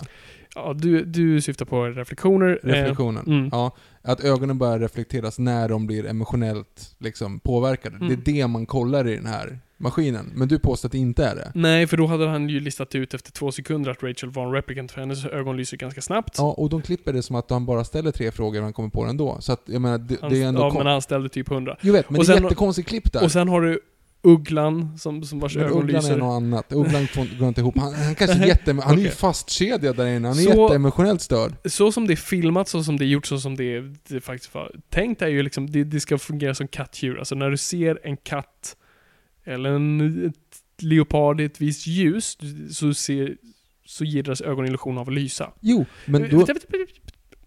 Och det bygger inte på ett emotionellt tillstånd eller i någon slags nu jagar den därför lyser deras ögon. Nej, utan det har med hur, hur ljuset är, eh, vad ljuset är och vad du är i förhållande till den reflektionen av det ljuset. Och samma sak här, det beror på vad kameran då, den fiktiva kameran, är placerad och hur ljuset då slår deras ögon i den vinkeln. Men där har du ju också grejen. Är det bara... Du menar att, Så det är att vi de som där, ser det, inte Du menar nödvändigtvis... att de inte ser... Man ser inte det i Nej, själva inte grejen? för de står inte där kameran är. Vi ser aldrig en point of view-bild, utan det här är, no, det här är bomben under bordet-grejen, som, som är Hitchcock-principen. Hitchcock pratar om, vad, vad, när de frågar honom vad är spänning för någonting? Då sa han, spänning är när du har några personer som sitter runt ett bord, pratar om vad som helst, baseball, helt basic, ingenting speciellt. Men du har ett bomb under bordet och publiken vet om det, men inte de. Och det här är lite, den, de här röda ögonen är lite som, det är presenten till publiken här. Här ser ni, här har ni svaret. Men vad är Men det? våra karaktärer vet inte om det. Men maskinen då, som de kollar ju på ögonen. Yes, men det är inte för att kolla om de lyser eller inte. Det är att få kolla emotionella reaktioner. I ögonen. I bland annat ögonen. Det, alltså den här maskinen registrerar massa saker. Ja, Det har beskrivits också, för- den, den andas ju den här maskinen. Ja, Det jo. är ju för att det registrerar luft och eh, alltså endorfin, alltså du vet sådana här kemikalier som, som den mänskliga kroppen utger. Jag fattar nämligen så att de kollar på ögonen för att se reaktioner i ögonen. Men då skulle man ju inte fråga dem tusen frågor, utan då skulle man gå Jo. fram med ficklampa bara. I vilken Nej, vinkel nej, så lyser de? Nej, det är inte det, utan att de, får, de framkallar reaktionerna. När Okej, du får som- liksom... okej, men för då, till då går jag fram till den personen, sticker den i, i benet med en sticka och sen, ja, lyste. Det hade varit det absolut bästa. Det hade varit att dra en metalldetektor över deras hand och säga oj, det är metall, det är troligen en robot. Pip, pip, pip, pip, pip, pip, pip. Ja, det där, det är en robot liksom. Ja, det är en intressant grej, för det var så du sa som jag aldrig hade tänkt på just det här. Så, Men vad är de för slags robotar? För just som du sa, här, varför drar de inte bara igenom en metalldetektor? Och du sa, ja just det, det är sant. Det här är faktiskt inte riktigt robot. Det är humanoida Ja. androider. Eh, så det är lite mer Westworld. Ja men ta ett blodprov då och kolla, okej det här var ingen riktigt blod, det var något så, det, det annat. gillar jag i boken, för att när man inte kan lista ut det. Boken har också en väldigt bra premiss, för då, när han intervjuar Rachel först, eh, så bedömer han henne vara mänsklig. Mhm. Vilket visar sig vara fel då. Så att då blir det helt plötsligt en, en väldigt stor oro om hur många de har satt dit som var människor. Ehm, så att den sista utvägen att göra när man inte kan lösa det, det är att dra ett benmärgsprov. Så även i boken handlar det om att inte skruvar och Då muttrar. kan man inte fejka benmärgen då, men Nej. man kan fejka allting annat. Man kan typ fejka nästan allt, men inte benmärg. Varför är Deckard kär i Rachel? Beskriv deras jättekärleksfulla relation där när hon försöker fly. Han stänger dörren, sliter upp henne mot en vägg och tvångshånglar mot henne och då blir hon kär. Ja, precis. Sen frågar scenen efter. Han, han gör det, sen går han därifrån, kommer tillbaka och säger 'Do you love me?' Uh, Med en pistol i Yes I handen. do, yes I do, yes I do. Eh, ja, nej, jag, jag håller med. Och det här är en gång imperfektionerna i, i den här filmen, som inte är perfekt. Den där kärlekshistorien är weird. Ja, men sagt. har ju ingen... Och liksom- du köper ja. inte den. Men Eh, och det är därför jag gillar då Directors Cut-slutet som, som lämnar i alla fall lite mer öppet för vad det här kanske är. Alltså hon kanske känner sig som gisslan, vi vet inte. Och hon kanske bara kommer springa så fort hon kommer ner på gatan. Det är inte som i, då originalkatten där de sitter i en romantisk bil tillsammans. Eh, ja. But then again, who does? ja. We don't know how long she will live. But then, who does? Mm. Nej, det är hemskt. Och där har du också enhörningsscenen fattar man ju inte ett skit av i Nej, första precis. versionen. Det är ju sån jävla konstig. För då har du ju, har du ju då, eh, nu har jag glömt bort vad han, heter, men han, eh, Gaff, som Mhm. pratar city speak. Eh, han gör ju små origami-figurer hela tiden, oftast kopplat till då dessa eh, replicants. Och eh, i då originalversionen så gör, gör han små origamis och sen på slutet så ser vi att han har lämnat en enhörningsorigami till Deckard utanför hans lägenhet. Mhm. Och det är liksom, han tittar på den och och det ser ut som han inser någonting och man fattar noll. Jag fattar ingenting. Jag fattar ingenting. Precis. Men sen har du ju då i Director's Cut, då när han sitter vid sitt piano så, så ser man i stort sett en dröm, eller i alla fall en tanke av Deckard då han ser en enhörning i en skog. Och där har du ju då att Rachel pratar ju om att hon har massa minnen eftersom hon är ju en, en replicant Mm. men, eh, implantat. men det är implantat. För då pratar hon så här, men jag har massa minnen, jag kommer ihåg min uppväxt. Och då säger han nej, för minnet är, och så bara han rabblar hennes minnen. Mm. Och så här, det här är ju implantat. Liksom. Mm. Så att det, jag vet ju om dina minnen, med andra ord så är du en replicant. Och det är ju det som, det är ju samma sak som händer. Det vill säga, Deckard sitter och funderar på, han, han drömmer om en enhörning. Och sen sista scenen så visar det sig, okej, det är någon annan som vet att jag drömmer om en enhörning. Ja, andra ord, jag är en replicant. Det är ju liksom, det är ju Mm. svaret på hela alltihop. Men om man, in, om man tar bort den där jävla scenen med enhörningen, då fattar man ingenting. Nej. Nej, verkligen. Eh, och nu har ju faktiskt, uh, Ridley Scott har ju bekräftat att han är en replicant. Ja men det ska bli jävligt intressant att se vad de gör i nya filmen nu. Spinner Mm. de vidare Ja, på det, är att han det, är det då? det är det jag tycker, alltså, på ett vis här, ja vi vet att han är. I- Det är, det är inte så öppet slut som, som mång, många kanske antar. Jag tror det, är en, lite av en myt att den ska vara öppen.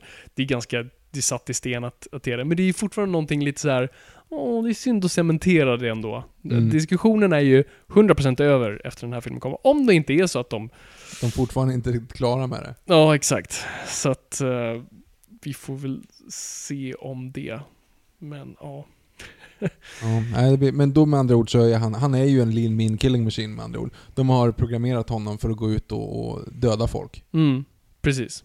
Så han är liksom inte... I boken tror jag också är det lite att, att replicants är duktiga på att hitta andra replicants. Det, de, de har en viss connection så att det, eh, det är någonting där. I boken är det ingenting om att han är en replicant. De ställer den frågan mycket, många gånger till honom. Liksom, Hur vet du att du inte är en replicant? Men det är ingenting som, som, som antas eh, Mm. utifrån det. Men, eh, ja. Mm. Mm, mm, mm, mm. Ja, men det här var en intressant diskussion. Jag, jag gillar det här. Det är kul när vi... Det, det har ju varit så många grejer vi håller med om varandra om. Eh, det är kul att vi inte alltid är överens. Se Peter Haber i Beck och eh, drömmer androider om elektriska får. Ja, det funkar. Det kanske bättre ska på svenska. den. Ja. Mm, Borde göra ett Beck-avsnitt, har vi säkert sagt. Det borde vi göra. Det finns Men tänk, många tänk Peter dig den helgen. Finns alla på Viaplay? Eh, Seymour tror jag de finns på. Seymour. Eller finns... Jo, jag tror de finns på Seymour. Nej, du har nog rätt i Seymour. Men eh, tänk dig den helgen när man ska sätta sig och bränna av alla Beck-filmer. 50 stycken. Och, Ja, fast de är inte så långa, det är väl det som är grejen. De är väl det? De är väl en och en halv timme i alla Ja, fall? de är precis en och en halv timme. Det är väl det som är grejen. De är typ mellan 89 och 91 minuter allihop. Precis. Mm. Har du någon favorit där? Oh. Nu spårar mörkret dyker upp, men det var en av de dåliga. Ja, det är en av de absolut sämsta. Och nu har jag glömt bort namnen. Du tänker säga Money Man tror jag. Mm, Money Man är faktiskt en bra. Ja, Ja, den gillade jag. den, det känns som en du. det känns som jag. Ja. Men det finns någon till som jag nu inte... Sven Wollter. Nej, inte det med Sven Wollter. Tack, nu kommer inte jag kunna sova gott i natt. Hej Nalle Puh, hej Nalle Puh. Vad är det för äventyr du ska ut på? Hej Nalle Puh, hej Nalle Puh. Du är våran dumma lilla björn. Och Eva från Fem myror är fler än fyllelefanter är också med. Men bäst är förstås Nalle Puh. Förlåt lyssnare, förlåt. Nej, men nu, nu tror jag... Alltså, Okej, våra förväntningar. Är du taggad på nya Blade Runner? Jag har hållit mig undan eh, trailers. Jag med. har inte sett Eh, någonting. jag, jag såg den första, den här Ja, det teaser-trailern gjorde jag som också. kom. Och sen tänkte jag så här, fuck, det här är ju ingen idé. Då kommer jag avslöja alla scener. Ja, det, Så kommer jag. ja. För den här är en film som är otroligt svår att sälja. De ska sälja det till en majoritet som inte har sett den första. Det här ska presenteras som en ny film. Eh, så att jag också tänkt att de kommer avslöja väldigt mycket trailersna. Eh, så jag har också hållit mig undan, vilket har varit skönt. Så det kommer bli kul att gå in hyfsat öppen. Eh, jag har sett ti- tidigare recensioner, inte recensioner, men lite bara vad folk som har sett den tidigt säger. Och det verkar väldigt positivt. Så det gör mig taggad. Att det här ska vara sin egna film. Och det är det jag hoppas på. Att den här inte bara försöker ja, nostalgera ner sig, utan bara den är sin egna film i, en, i det här universumet. Mhm. Så det, det är det jag kan hoppas på. Men jag är jättetaggad, så vi får väl se den så får vi säga sen vad vi tyckte, antar jag. Du är ju inte en jättefan av Dennis Villeneuve. Jag tyckte jättemycket om, som jag aldrig kommer ihåg namnet på för den har så vanligt namn, Vilken av? Arrival. Arrival, just Tyckte jag det. jättemycket om. Men du tyckte Och inte om så- Prisoners? Det, här är den här ge- lite såhär kejsarens nya kläder-grejer. Alltså jag, jag tycker om honom fine. Han är bara inte det här geniet som, som folk... Nej, nej gud nej. nej han, har gjort en, han har gjort två bra filmer. Exakt, jag håller med. Men inte briljanta. Eller jo, en briljant, en bra, en okej. Okej, och jag, jag lever som så här. Jag tycker Arrival är ganska briljant. Ja, Mm. en briljant, Yes. Arrival, en bra, Prisoners, en okej, Vilken är den okej? Sicario. Sicario. Mm. Yes. Men det, alltså, det är som... Sicario är som Blade Runner. Tunn story, ja, hyfsade effekter. Jo, den har några bra scener. Mm. Eh, ja, men som sagt, så det är inget fel på honom alls. Eh, så att, jag, jag tror bara han behöver en bra story. Jag, jag, klag, jag klagar nog mer på manusen i hans filmer än honom som regissör. Han verkar fullt kapabel. Så det är inte det. Så jag hoppas bara på ett bra manus här. Var det han som gjorde Robocop också? Mm, nej. Vem är, var det som gjorde Robocop? Jag vet inte. För det Jag tror var är ju... spansk snubbe. Ja, jag blandar ihop honom med det. Den här, är- han Förlåt. är kanadensisk. Ja, nej jag hör, jag, jag, jag tar tillbaka allt jag någonsin sagt. Men det var som att det var en snubbe som hade typ gjort Sicario och sen gjorde Robocop. Men det var inte Sicario, det var någonting annat. Skitsamma. Vi Skitsamma. släpper det. Jag har inte sett Robocop, det är mest därför. Den nya med Kinnaman. Den ja. var inte så bra. Nej, jag förstår det. Keaton var bra. PG-13 i så fall? Väldigt bra fråga. Den finns så väldigt, väldigt, väldigt grov, den or- original Robocop. Det är det som är så fantastiskt med det. Jag vet. Eh, ja, nej men... Eh, ska vi bomma igen det här? Jag tror det. Eh, har vi någonting annat att gå ut med? Tror inte det. Vi lägger upp lite grejer från, eh, från eh, Robocop, var jag på att säga nu. Från eh, Comic Con i, under kommande dagarna på Mm. Youtube. Vi finns som vanligt på sociala medier i övrigt. Hashtag NOJPOD finns på Twitter och Instagram under Farman Nordlander och eh, Engberg Viktor. Tror jag att det är någon Viktor Engberg, Engberg- Skitsamma, Engberg Viktor det. på hashtag under under, va? Underkänt? Vad säger jag? Noipod? Hashtag Noipod. Yes. ehm, jag ber om ursäkt för första delen av det här avsnittet. Jag tyckte dock vi plockade upp bollen rätt bra sen när, när vi Ja. började prata om filmen. Så jag, jag, det är jag glad för. Men jag ber om ursäkt för Vi För ska inte annat. spela in så här sent. Nej, vi har sagt det förut, men, men, men ibland kommer livet i vägen och då, då måste man bara acceptera. Vi, gör- vi, vi, vi, vi, vi gör det hur som helst, i vått och torrt. Oh ja. Oh, Okej, så ringer, vad händer nästa, nästa avsnitt? Jag vet ja inte. men det, jo, det jag vet. Ja, jag tror jag vet. Ja, men det blir väl bra? Det blir jättebra. Ja. Om det är det. Det Jag att tror det är det. När har den premiär? Vilken? Den? Den är ju inte premiär. Den Nej men ompremiär. Ja, det får, ja, det får man vara senare. Jag måste se över vårt Okej. schema. Vi får se om det blir nästa avsnitt, annars blir det något annat. Annars blir det något annat. Vi går ut med det. Så, Inte travhästar i alla fall. mm, nej. Men vill ni ha? Hör av er. Säg till. Ehm, så, nu tycker jag vi bommar igen där. Ja. Tack så jättemycket för att ni har lyssnat. Tack. Och det är Ja. kul att vara lyssnad. Men kom ihåg gott folk, ingenting är för nördigt.